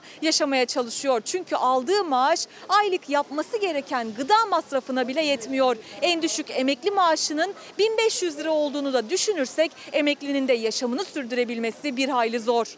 Aynı ailenin giyim, konut, ulaşım, eğitim, sağlık gibi zorunlu diğer ihtiyaçları için yapması gereken aylık harcama yani yoksulluk sınırı 7838 lira. Açlık sınırının üzerinde kalan 4500 liralık en düşük memur maaşı da yoksulluk sınırının altında. Çok büyük bir nüfustan bahsediyoruz. Ülkenin genelinde açlık ve yoksulluk sınırının altında yaşayan milyonlar varken maşallah demek için henüz erken. Hocam şimdi altın, altın rekor üstüne rekor kırıyor. Neden? Dolar uykudan neden uyandı? Euro nereye gidiyor? Ve bunlar bizi nasıl etkileyecek sizden dinleyelim. Dolardan başlayayım. Çünkü genelde bu tip olaylar bir e, vaka gerçekleştiğinde veya veri açıklandığında olur ama hiçbir şey olmadan birkaç gün önce dolar kurunda uzun süre sonra bir hareketlenme yaşadık. Zaten bu kadar hareketsiz kalması enteresandı. Çünkü dünyanın en kuvvetli para birimleri bile sürekli bir oynaklık halindedir. Bunun yapay bir denge olduğunu biliyorduk. Sizin az önce bir benzetmeniz vardı. Dolar uyuyordu. Onu küçük düzelteceğim. Do- dolar uyutuluyordu. Uyutuluyordu. Evet. Sürekli Nasıl e, uyutuluyordu? e, sürekli piyasada dolar talebi var. Bu ta- talebe karşılık da Merkez Bankası piyasaya dolar veriyordu. E, veriyor veriyor ama bu daha çok bir bünyenin e, uyuşturucu maddelere belirli bir süreden sonra bağımlılık kazanması gibi. Tabii biz hissetmemesi öyle gibi. anlatmıyoruz, onlar evet, böyle. Evet. e, bu da bir yerden sonra vücut artık reaksiyon verememeye başladı ve neticesinde dolar da bu şekilde uyutulamadı ve e, yukarı doğru bir hareketlenme yaşadı. Yani buna büyük bir patlama diyemeyiz. En fazla yüzde 1-2 dolayında bir değer kaybı oldu ama bunu daha çok şöyle söyleyelim. O kurulmuş büyük set çatlamış oldu. Ee, yeni bir set deneyecektir. Çünkü burada Türkiye'nin daha büyük bir finansal istikrarsızlığa girme riski içeriyor. Ee, e, özel sektör çok ciddi düzeyde e, döviz borçlusu. E, bunun neticesinde Ne de kadar borcu? e, 180 milyar dolar düzeyinde. Aslında devletin de var. Yani şöyle söyleyelim, hiç ayırmayalım. Çünkü bu işte milli hesaplar önemlidir. Evet. Hane halkıdır, e, özel sektördür, yerel yönetimdir hiç fark etmez. Türkiye'nin dış borcu 431 milyar dolar. Ama sadece bu yok. Buna ek olarak bir de iç borç ama döviz olan var. Örneğin dün hazine iç piyasadan döviz borçlandı. E, 3 milyar dolar kadar. Bunları da koyduğumuz zaman bir yaklaşık 28 milyar dolarda böyle borç var ki bu rakamlar e, maalesef Cumhuriyet tarihinin hep en yüksek seviyeleri. E, Türkiye gibi bir ekonomiye göre de e, yüksek oranlar ve sürekli de çalkantıların meyil yaratıyor. Şimdi mesela benim dolarım yok. Beni ilgilendirmez diyenler var. Böyle bir kesim var. Öyle mi? Yani dolar artınca ne olur? E, hayatımızın her aşamasında dolar var. Görmesek bile e, en basiti zaten petrol fiyatları ve benzinlere, benzin fiyatına, akaryakıt fiyatlarına yansıyor. Ama bunun dışında çok daha başka faktörler de var. Mesela kışın doğal gazla ısınacağız. E, onun fiyatı da döviz cinsi. Dolayısıyla dolar değer kaybederse burada da e, yansır. Aynı şekilde kömür de öyle. Siz yurt içinde kömürü üretseniz bile uluslararası fiyatları kullanılıyor. E, döviz artarsa burada da e, bir fakirleşme yaşarsınız. Gıda fiyatları, dünya fiyatlarına endeksli. Yurt dışında çok büyük bir e, artış, gıda fiyatı artışı olmasa bile sizin paranız değer kaybederse yine gıdada pahalılaşır. Dolayısıyla bir de şu var, çok daha önemlisi. E, Şirketler bu kadar döviz borçlusu. Geçtiğimiz günlerde ISO 500, Türkiye'nin en büyük sanayi şirketi açıklandı. Çok ciddi bir döviz borçluluğu var. E döviz yukarı sıçrarsa bu şirketlerin karı kalmıyor. Yatırım yapamıyorlar. Güven ortamı bozuluyor, sermayeleri eriyor. E iş ortamı yaratılamazsa iş işte bulamıyorsunuz. Çünkü istihdam için bir uygun ortam yok. Yani, bir işsizlik olarak da bize dönebilir. Tabii ki her koşulda fakirleşme olarak size döner. Yani çok değerli dolar kurunun da başka yol açtığı sorunlar var ama şu anda Türkiye için o sorunlardan bahsetmek bir lüks. Bizim çok daha can alıcı sorunlarımız var. Zaten bu yüzden de hükümet bir şekilde uyutmaya, dondurmaya çalıştı doları ama e, maalesef hiç eşi benzeri görülmemiş bir döviz çıkışı yaşıyoruz. Sermaye çıkışı yaşıyoruz. Hatta buna sermayenin kaçışı demek lazım doğru bir tabirle. E, ve neticesinde de buna e, faizleri arttırmıyorsanız, Merkez Bankası'nın da pek rezervi kalmamışsa kamu bankalarını artık daha fazla kullanamıyorsunuz. Çünkü onlarda bir yasal sınırları var ki bence hiç de doğru bir hamle değil. Neticesinde sonunda e, serbest piyasaya bırakmak durumunda kalıyorsunuz ki er geç gene öyle olacaktır. Altın? Altındaki e, yükselişi birazcık daha dolardaki değer kaybına bağlamak lazım. E, son bir aylık süreçte dolar Euro'ya karşı değer kaybetti. Türk lirasına göre değil. %5'e yakın değer kaybetti. E, öyle olunca petrol de dahil olmak üzere, diğer para birimleri dahil olmak üzere, altın da dahil olmak üzere buraya doğru bir e, Yönelme. oldu, yönelme oldu. Ve bunun neticesi de tarihi rekoruna doğru geldi. E, tabii yatırım tavsiyesi vermiyoruz biliyorsunuz bu konularda. Özel e, düzenlemeler var. Ancak e, altının yukarı doğru gitmesinin e, nedenleri hala mevcut. Yani küresel piyasalarda O bir şekilde sıkıntı var. fiyatlanıyor. Çünkü Amerika Birleşik Devletleri ile Çin arasında yaşanılan bir kriz var. Yani sadece Türkiye'de değil aslında dünyanın her yerinde altın yukarı yönlü hareket ediyor. Bir süre galiba hani o 1900 doların altında seyredecek ve sonra bir belki ilerler mi yorumları da yapılıyor. Ama genel itibariyle altına dünyanın genelinde bir yönelme var. E tabii çünkü çok özel bir dönemden e, geçiyoruz. Şimdi normal şartlarda altına sürekli güvenli liman denir. Ben buna o kadar katılmam. Ancak şu andaki biraz doğa afeti gibi. Yani daha kötü bir salgının e, e, sonbahar aylarında dünyayı vurmayacağını, küresel finansal sisteminin bozulmayacağını bilmiyoruz. Yani bununla ilgili bir elimizde veri yok. E, dolayısıyla bu bir risk yaratıyor ve bu anlamda fizikselliğin gücü anlamında her yerde geçer akışı olmasıyla altın önemli. Bu da onu güçlü tutuyor. Ancak burada şuna dikkat etmek lazım. E, Euro dolar paritesi dediğimiz yani euronun e, doların birbirine olan değerindeki bu artış son e, bir aydaki artış devam etmezse altın da bu kadar rahat gitmez. Ama son bir şey söyleyeyim. Biz tabii vatandaşlar olarak e, altına TL cinsi bakıyoruz. Yani altının uluslararası fiyatı sabit bile kalsa, dolar kuru yukarı çıkarsa Türkiye'deki altın yatırımcısı gene kar etmiş olacaktır. Hocam şimdi e, bir de emekliler, emeklilerin yaşadığı sıkıntılar var. Yani Türkiye'de 13,5 milyon emekli var ve 13,5 milyon emeklinin yarısı asgari ücretin altında bir maaşla yaşamaya çalışıyor. E, onlar da seslerini duyurmaya çalışıyorlar. E, bir yandan bayram ikramiyesi 6 bayramdır bayram ikramiyeleri artmamakta e, demekteler. Bunun arttırılmasını istiyor emeklilerimiz. Diğer yandan da ya geçinemiyoruz diyorlar. Geçinemiyoruz. Maalesef e, emeklilerimiz, yaşlılarımız e, bir bayrama daha buruk ve sıkıntılı giriyor. Bayram sıkıntılı.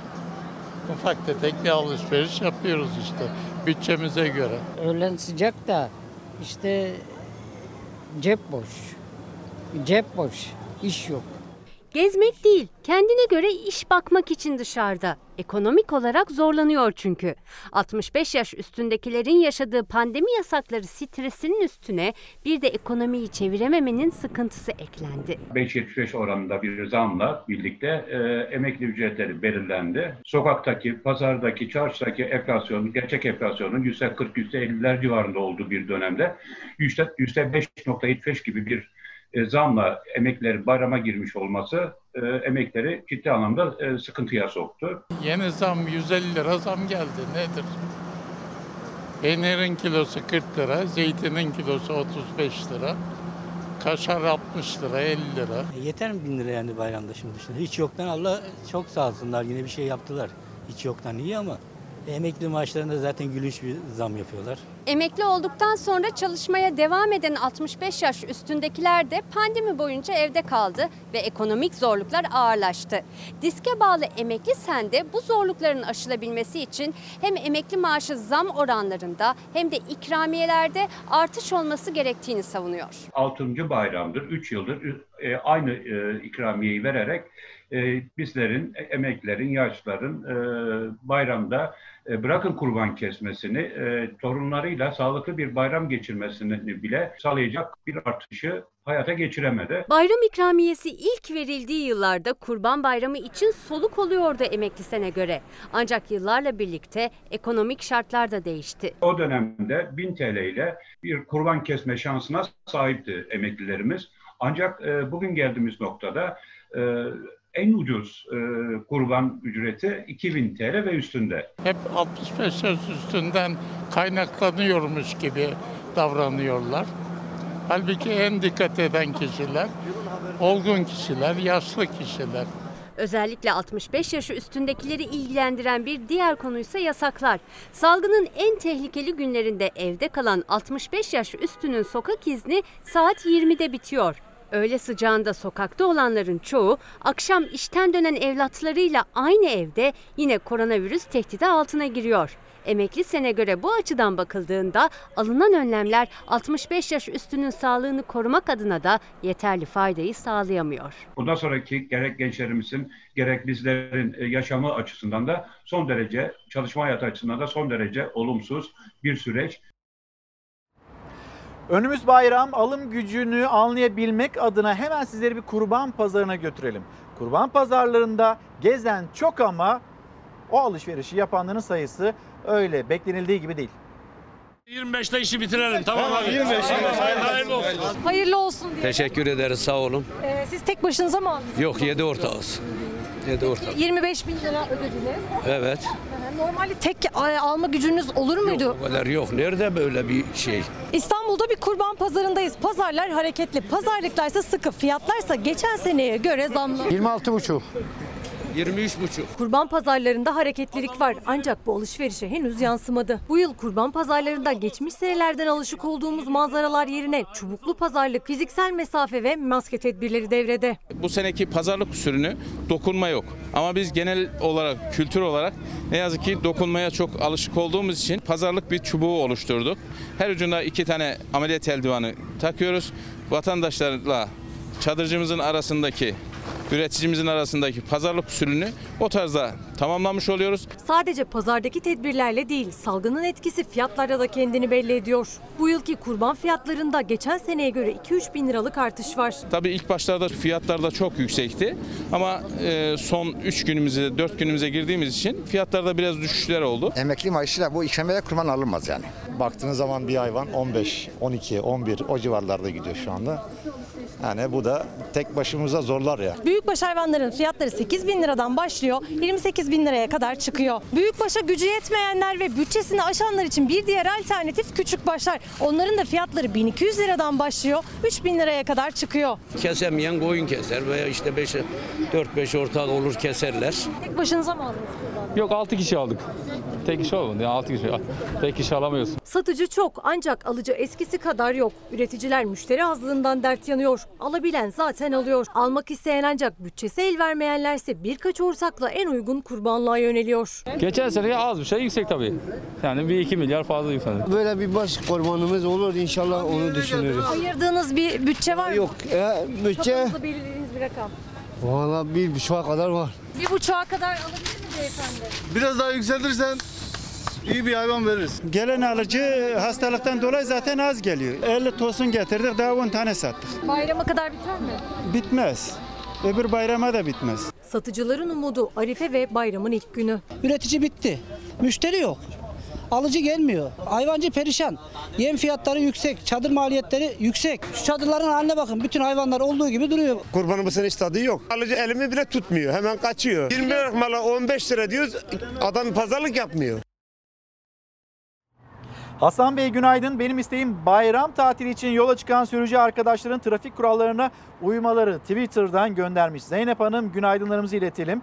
Ve Sami Öz benim isteğim güzel bir yaşam, refah bir yaşam istiyorum diyor. Ama işte dönüyoruz bakıyoruz çarşı pazara, işte kurban pazarına, alım gücüne bakıyoruz. Emekliler, emekliler cebimiz boş diyor. İşte iş yok diyor ve biz bu paralarla geçinemiyoruz diyor. Bir genel toparlama yaparsak ya da bir reçete sunma ihtimali var mıdır?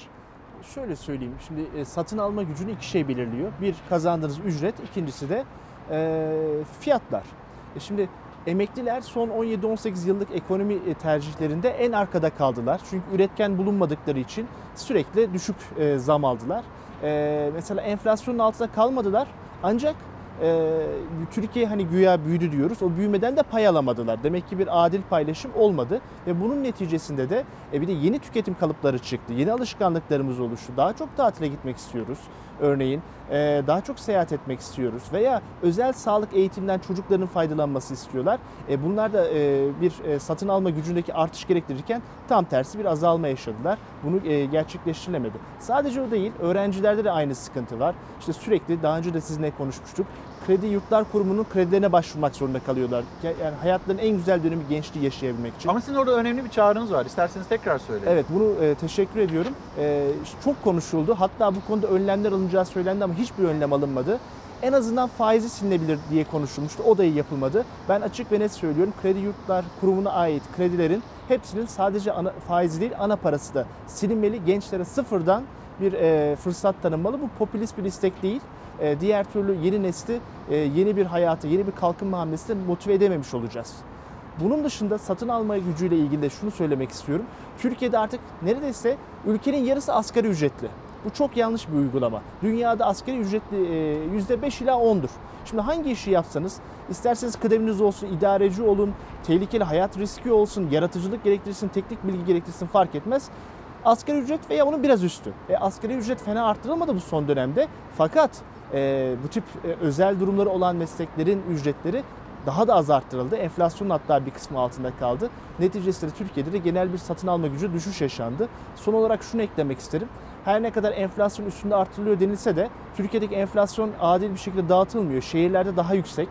E, ithal ürünleri da, kullananlarda daha da yüksek. E, mesela alkollü içecekleri, sigarayı kullananlarda daha da yüksek.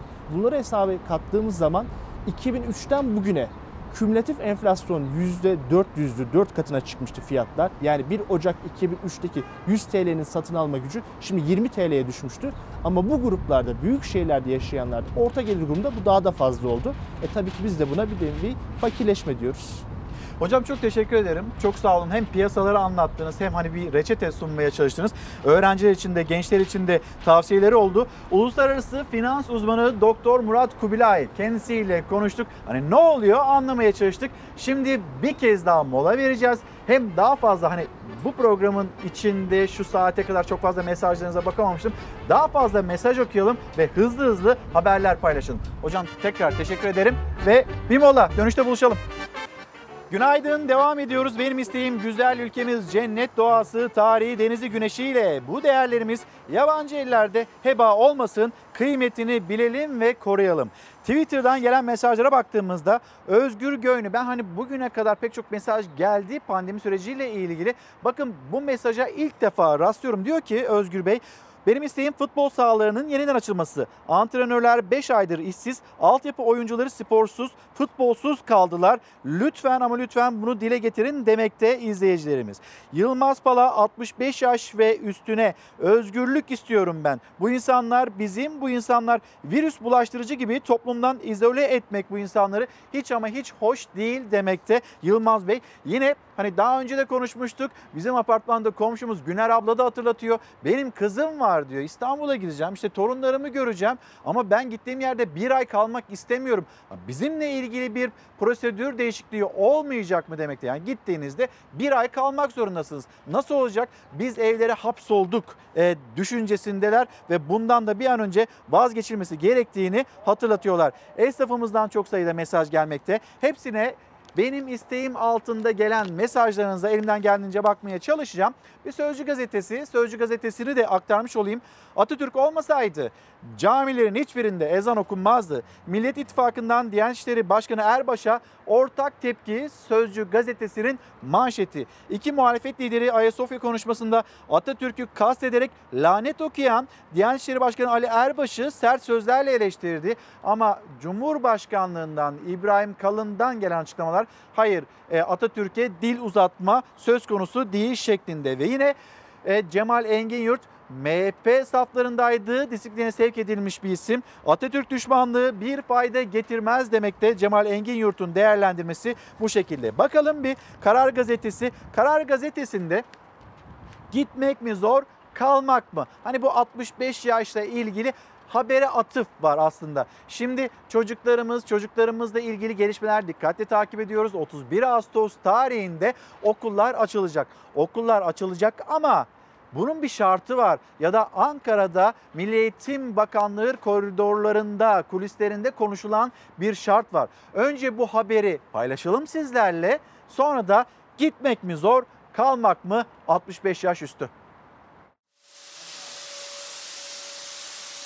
Milli Eğitim Bakanlığı'nın 31 Ağustos'ta okulların açılabilmesi için önüne koyduğu A planı günlük vaka sayısının 900'ün altında gerçekleşmesiyle mümkün. Oysa günlerdir hatta haftalardır vaka tablosu bu çıtanın üzerinde seyrediyor. Eğitim kurumlarımızın sağlıklı ve güvenli bir şekilde e, açılabilmesi için de çalışmalarımızı hızla devam ettiriyoruz. Var olan koşullar 31 Ağustos'ta okulların salgına hazırlıklı olmadığını göstermektedir. Milli Eğitim Bakanlığı yeni eğitim öğretim yılına standartları da belirleyerek hazırlık yapıyor. Öğrenciler okula tam zamanlı devam edebilecek mi ya da seyreltilmiş eğitim sistemine mi geçilecek? Bunun altyapısı üzerinde çalışılıyor. Pazartesi, salı günü okulları açtık. Bir sınıfın yarısı sınıfa geldi. Çarşamba günü okulu temizledik. Perşembe ve cuma günü diğer yarısı sınıfa geldi. Cumartesi de sınav grupları ayrıca geldiler. Ankara kulislerinde hükümet kaynaklarına dayandırılan bir iddia. Reuters'ın da haberi. Okulların 31 Ağustos'ta açılması için üzerinde konuşulan tek şart vaka sayısının günlük 900'ün üzerine çıkmaması.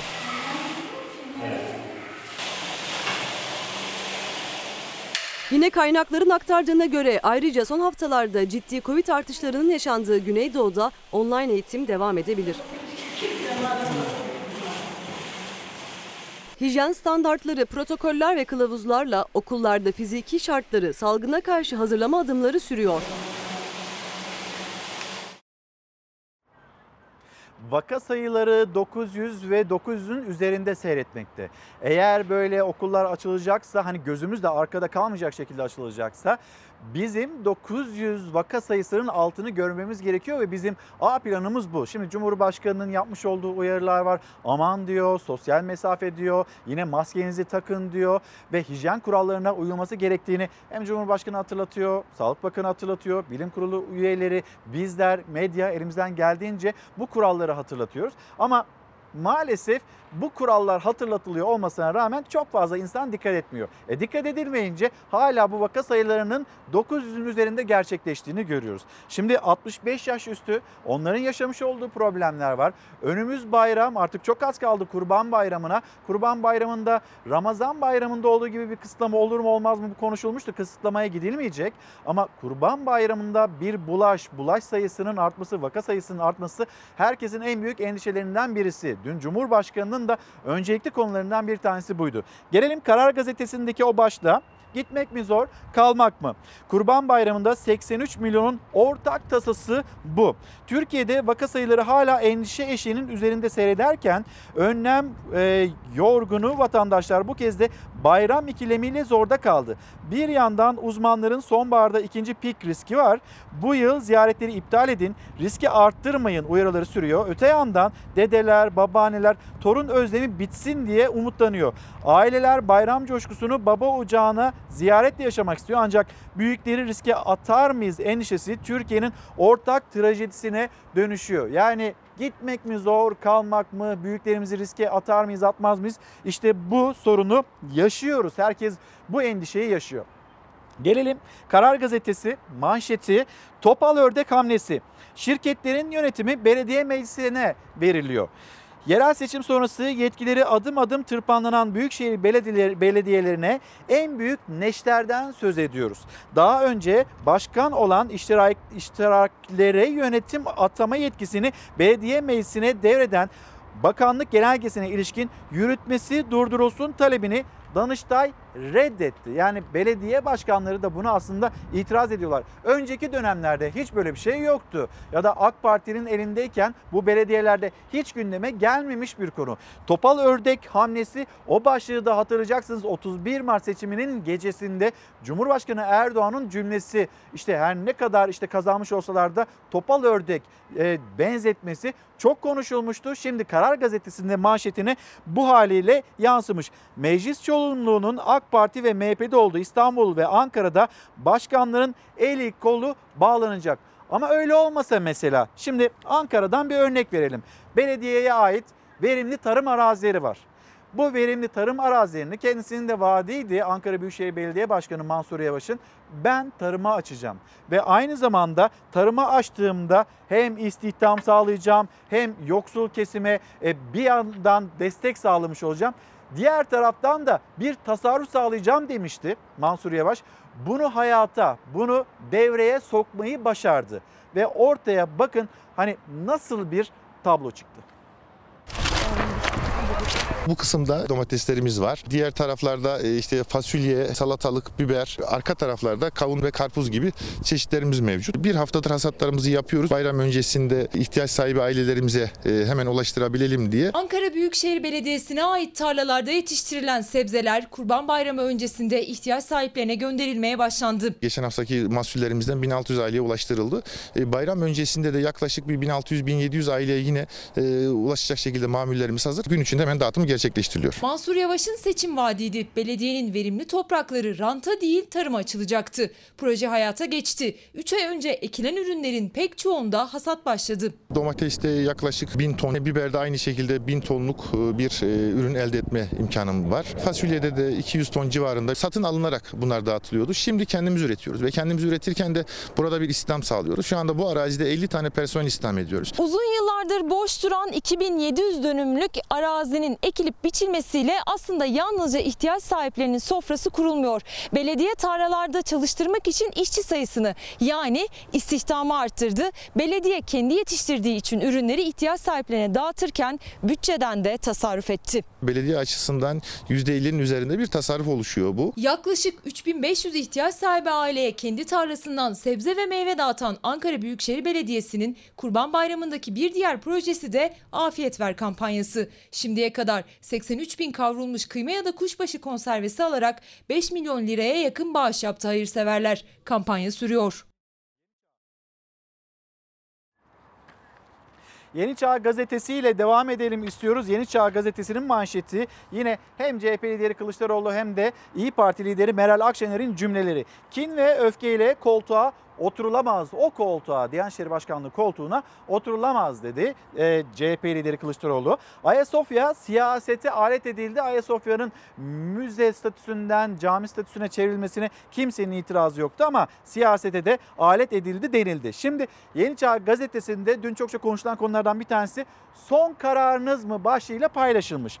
İktidarın Osman Kavala için Amerika Birleşik Devletleri'ne kimse Türk mahkemelerine emir veremez şeklindeki tepkisi akıllara Brunson ve e, Deniz Yücel kararlarını getirdi. Amerika Birleşik Devletleri Başkanı Brunson'ın Brunson'ı bırakın çağrısına Erdoğan'ın görevde olduğum sürece teröristi alamazsınız dediği rahip tahliye olup ABD'ye gittiğinde Trump bırakın dedim bıraktılar demişti. 18 yıl hapisle yargılanan The Welt muhabiri Deniz Yücel de Almanya Başbakanı Merkel'in Erdoğan ve dönemin başkan, Başbakanı Yıldırım'la görüşmesi sonucu evine dönmüştü. Ve şimdi Osman Kavala ile ilgili yine Amerika Birleşik Devletleri'nden ya da uluslararası camiadan bu yönde açıklamalar gelirken kimse Türk yargısına emir talimat veremez karşı çıkışları geliyor Ankara'dan ve diyor ki Yeni Çağ gazetesi de şimdi bu cümleleri kullanıyorsunuz ama son kararınız mı diye bir soruyu da yöneltmeden edemiyor. Az sonra Milliyet Gazetesi, Milliyet Gazetesi'nden de haberimizi aktaracağız ama şimdi sizleri Antalya'ya götüreceğiz. Antalya'da Kepez e, Santral Mahallesi'ndeki kentsel dönüşümün ilk ev sahipleri dairelerini teslim aldılar. Yeni evlerinin, yuvalarının anahtarı ellerinde. Yüzlerinden okunan mutluluklarıyla fotoğraf çektirdiler. Antalya'da Kepez Santral Mahallesi'ndeki kentsel dönüşümün ilk ev sahipleri dairelerini teslim aldı.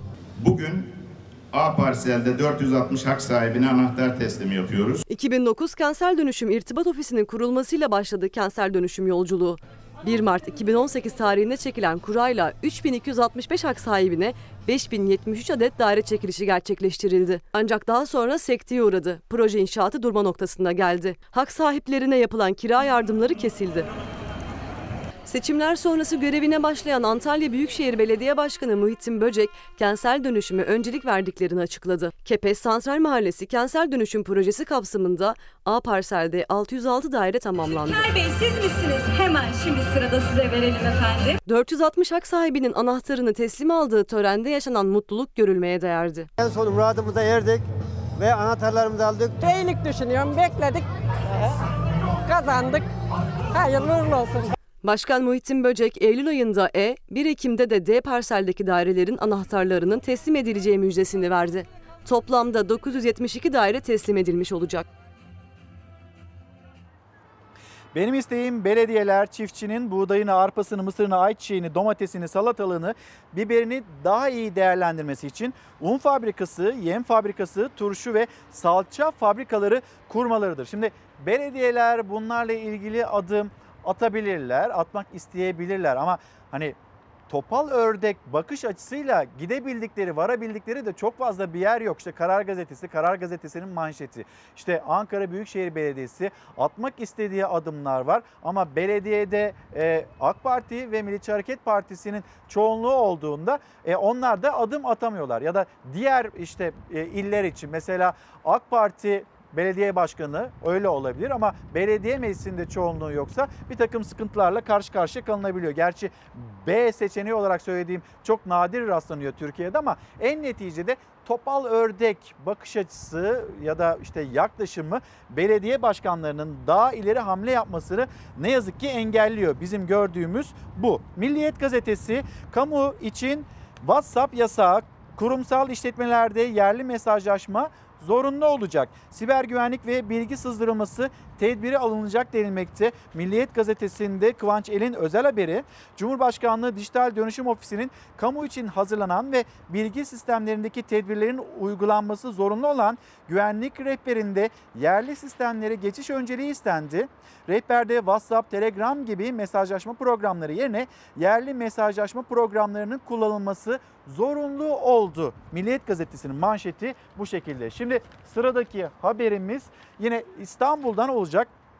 İstanbul'da daha önce bir köy o köyün işte yerinden kalkması Kanal İstanbul gerekçesiyle yerinden kalkması köylülerin işte başka bir yere e, yönlendiriliyor olması dün gözyaşlarıyla ya biz bunu istemiyoruz biz köyümüzden evimizden uzaklaşmak istemiyoruz diyen köylülerin e, tepkisini ekranlarınıza taşımıştık.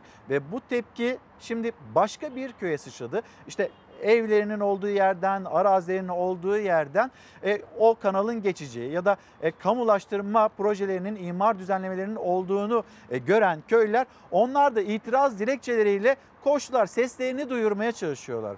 Ama adım adım da o kanal projesi ilerliyor. Ne diyor mesela İstanbul Büyükşehir Belediye Başkanı? Ya kanal ya İstanbul. 38, 39, 40, 41. Yani ekranda göründüğü gibi 55 metrelik yol altında. 40 41 de mi sizin de? Evet. Maşallah. O da yolda Yani o da yolda. 3 gündür parsel sorguluyorum ve itiraz dilekçeleri yazdırıyoruz.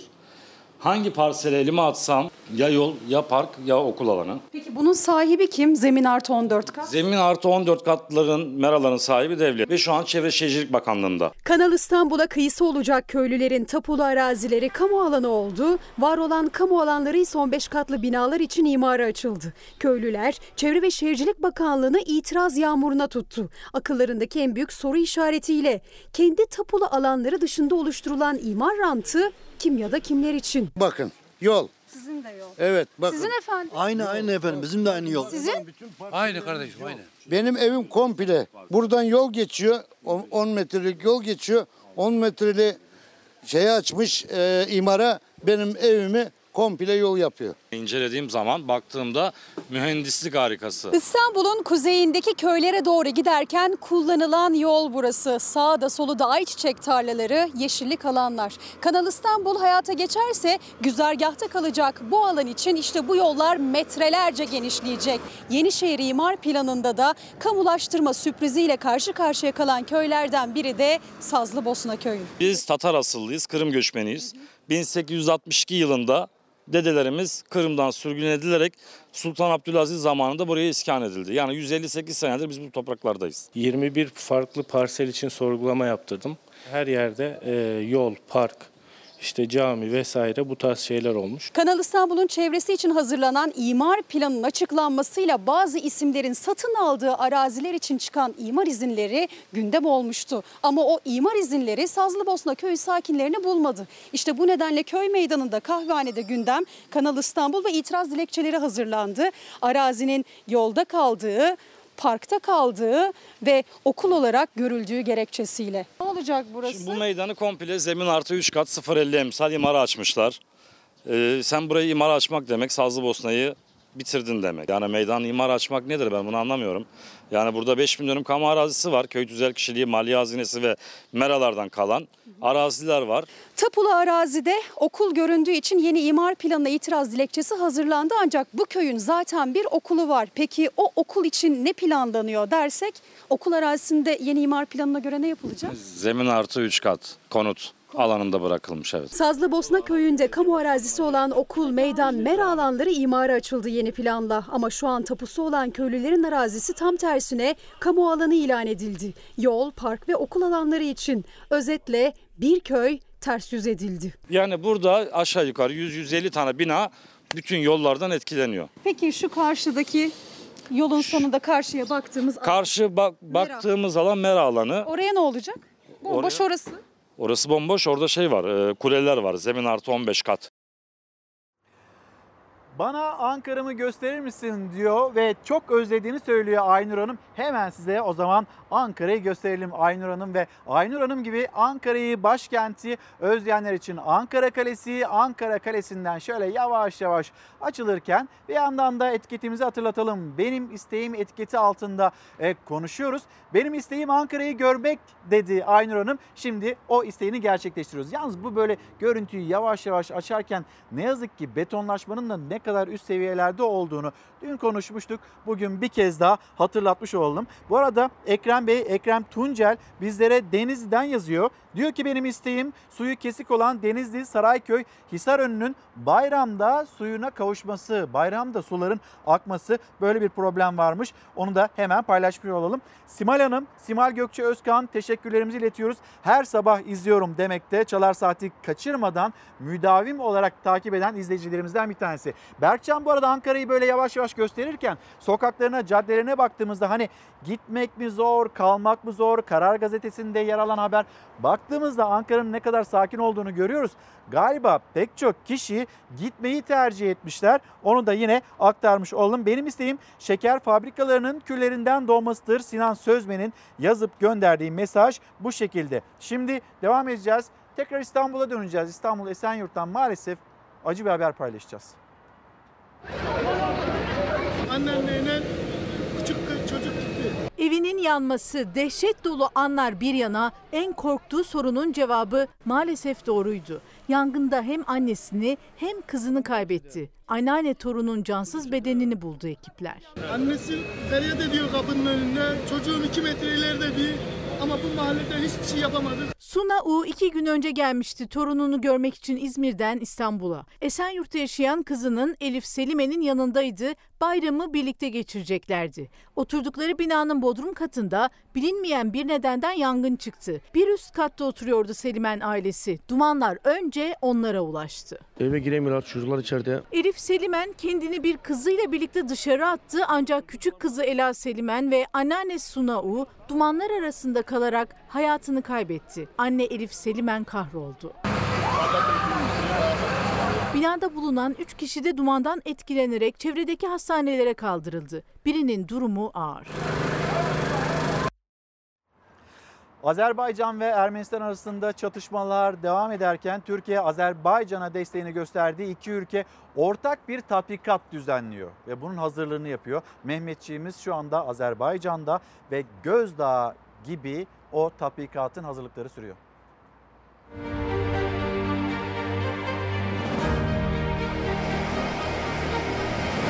Hazırlıklarda son aşamaya gelindi. Ortak tatbikata katılacak Türk savaş helikopterleri ve Mehmetçik Azerbaycan'a ulaştı. Geri sayım başladı. Kritik tatbikat bugün başlıyor.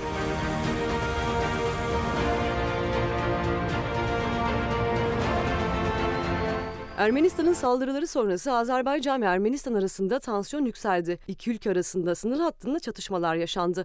Gerginlik sürerken Türkiye ve Azerbaycan gözdağı gibi tatbikat kararı aldı.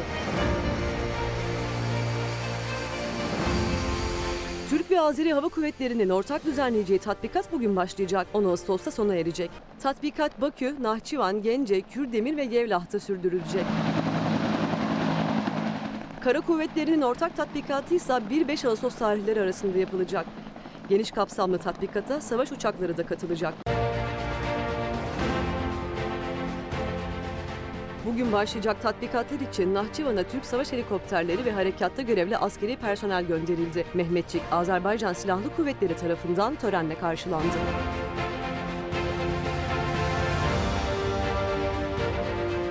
Düzenlenen törenin ardından savaş helikopterleri teknik ekipler tarafından tatbikat için hazır hale getirildi. Geri sayım başladı. Sevim Hanım, Sevim Yılmaz günaydınlar. Ankara'dan bahsediyorsunuz ama diğer belediyeler var. Onların da çalışmaları var. İzmir'den, işte e, Aydın'dan neden bahsetmiyorsunuz ya da İstanbul Büyükşehir Belediyesi'nden? Aslında bahsediyoruz. Belki hani programa geç dahil olduğunuz için onları kaçırmış olabilirsiniz. Bütün belediyelerden, Gaziantep Belediyesi, onlar orada güzel bir şey varsa onu gösteriyoruz. Hiçbir şehir, hiçbir belediye ayrımı gözetmeksizin herkes e, nasıl bir çabanın içindeyse bu çabayı hem il bazında hem ilçe bazında ekranlarınıza taşımaya çalışıyoruz. Şimdi Kadir Safiye Kalaycı e, Instagram'dan göndermiş mesajını benim isteğim kamu dışı çalışan hemşirelerin kadroya geçmesi, tayin hakları yok, hamile hakları yok, binlerce çalışan için haklarımı istiyorum lütfen sesimi duyurun demekte. E, Kadir Safiye Kalaycı hesabından gelmiş Safiye Hanım'ın gönderdiğini düşünüyorum. Bu arada izleyicimiz e, kendisi takip almış. Takibi alan izleyicilerimiz var. Sesini duyurmaya çalışan izleyicilerimiz var. Onlara ben hızlı hızlı bakmaya çalışacağım. İbrahim Karataş Teşekkürler. Tamam inşallah o isteğinizi de gerçekleştirebiliriz. Enflasyonu düşük gösterilmemesini istiyorum diyor e, bir izleyicimiz. Şimdi elimizden geldiğince sizlerden gelen o mesajlara bakarken bir de dünyanın dört bir yanında gerçekleşen protesto gösterileri var. Şimdi bazı izleyicilerimiz de hani bu bayram kısıtlama olmasın benim e, isteğim bu demekte 65 yaşla ilgili. Dünyanın dört bir tarafında kısıtlamalar var onlar devam ediyor. Bu kısıtlamaların yaratmış olduğu toplumsal gerilimler protestolarda öne çıkıyor. Yine aynı zamanda başka başka işte ırkçılık belki hükümet karşıtı gösteriler dünyanın dört bir yanında protesto sesleri yükseliyor.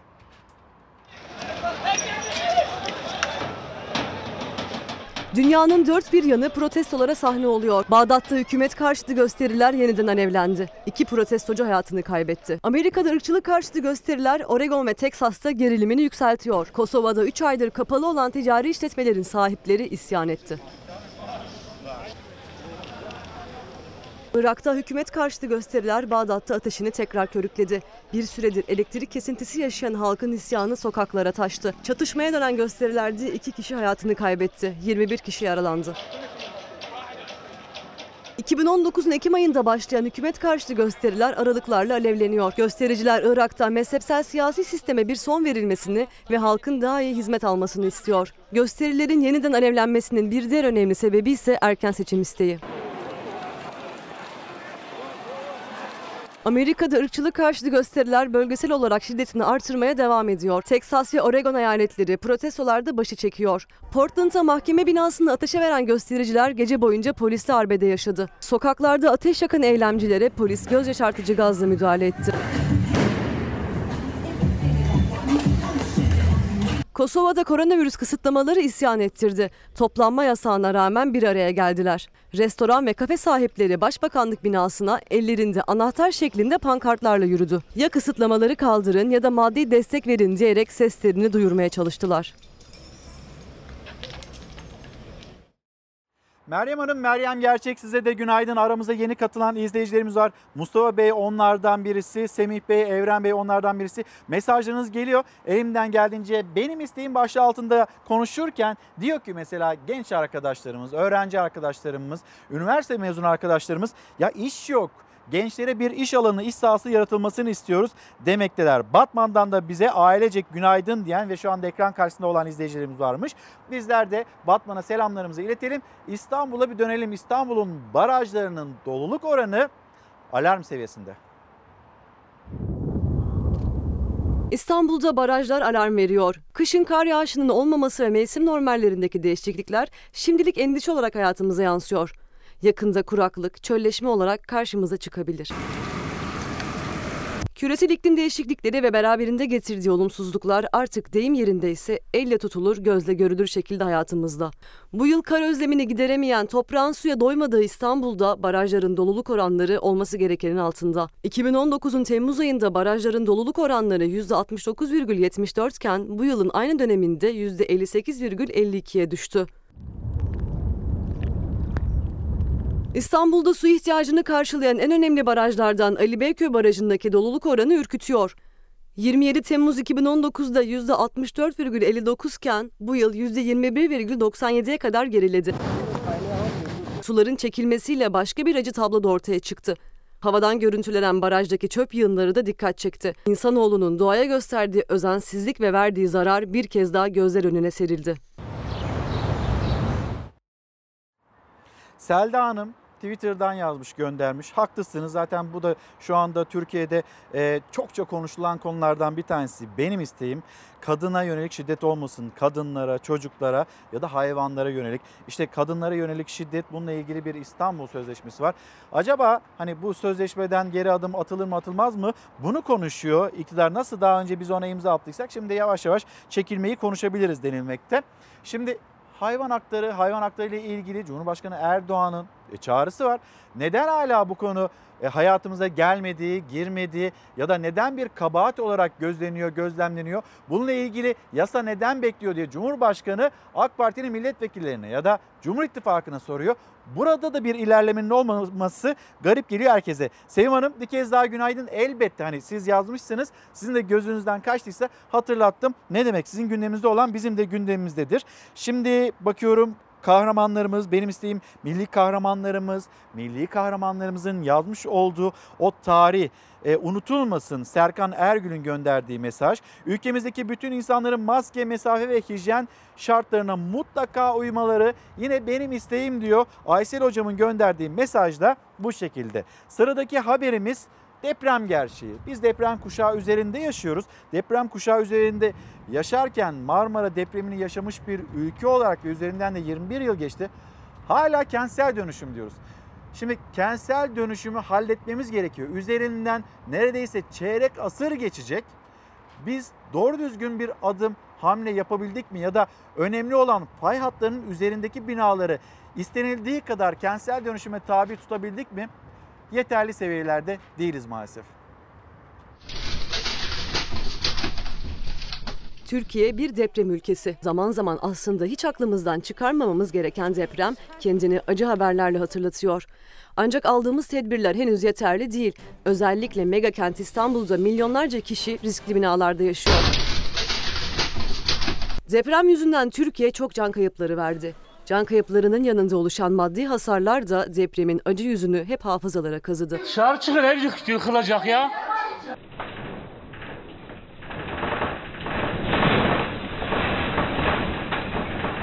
Deprem ülkesi Türkiye'de alınması gereken tedbirler var. Ancak henüz olması gereken seviyeye ulaşılmadı. Özellikle yaşlı binalar büyük risk taşıyor. O binalara deprem dayanıklılık testi yapılması ve gerekliyse güçlendirilme çalışmalarının başlatılması gerekiyor. Deprem Güçlendirme Derneği'nin çalışmasına göre İstanbul'da 3,5 milyon insan 40 yaşından büyük binalarda oturuyor. 2000 yılından önce yapılan binaların üçte ikisinde ise deprem sigortası bulunmuyor. Demirler ortaya çıkmış. Of çok kötü. Şu anda deprem olursa altında kalabiliriz bu binanın. Olası bir depreme hazırlık karnesi pek de iç açıcı değilken AK Parti'den meclise önemli bir öneri geldi. İktidar Partisi deprem ve doğal afetleri ilişkin meclis araştırması istedi. Ama benim evim AK Parti'nin önerisinde Türkiye'de olası depremlerde can ve mal güvenliği sağlanması, toplumsal bilincin artırılması, oluşabilecek tüm zararların en az indirilmesi, depreme dayanıklı yaşam alanlarının oluşturulması için alınması gereken tedbirlerin belirlenmesi yer aldı. Bu taraflar hep sonradan doldurulmuş yani. Bakın demirler de çürük durumda. Öneri kabul edilirse meclis deprem ve doğal afetlerle ilgili araştırma yapacak. Atılması gereken adımlar belirlenecek. Efendim şimdi iki mesaj sonrasında bir zaman yolculuğuna çıkacağız. Sizleri 1971 yılına götüreceğiz. Selim Karademir diyor ki benim isteğim halkın seçtiği belediye başkanlarının görevlerini yapmasının engellenmemesi. Halkın tercihlerine saygı duyulması. Serkan Bey de benim isteğim yargının tam bağımsız olduğu bir ülke yargı bağımsız olursa her şey düzelir. Ayrıca ekonomi ve işsizliğe çözüm bulunması yine istekleri arasında. Ve şimdi sene 1971 ve harika bir şarkı.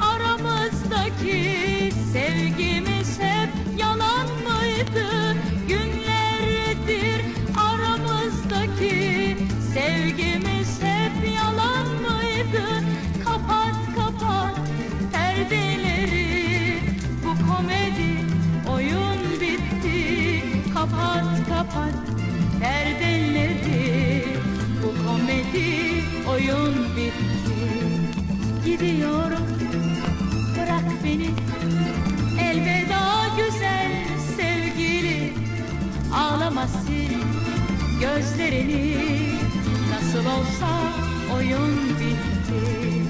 Gidiyorum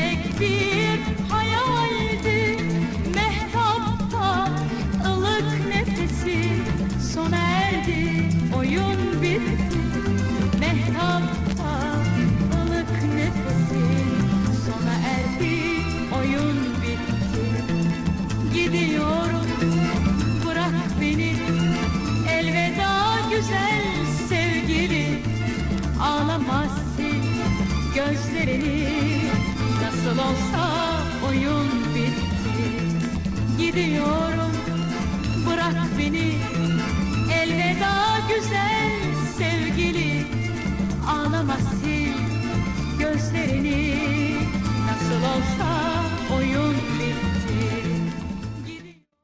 Efendim günaydın. Bir mesaj ve kitaplarımız var. Onları da göstermek istiyorum sizlere.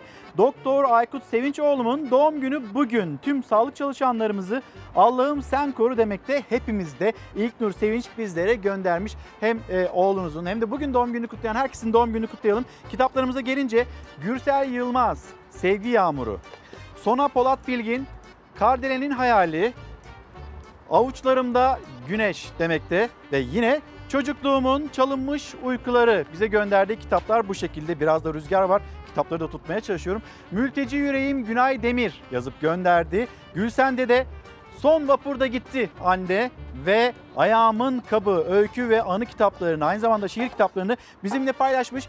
Kapatırken efendim her zamanki gibi teşekkürümüz sizlere. Bizi izlediğiniz için çok ama çok teşekkür ederiz. Yarın sabah yine Türkiye'nin gündemiyle, sizin gündeminizle, dünyanın gündemiyle saatler 8'i gösterdiğinde bir manikeler olmazsa bizler burada bu ekranda, Fox ekranlarında olacağız. Şimdilik hoşçakalın, güzel bir gün olsun.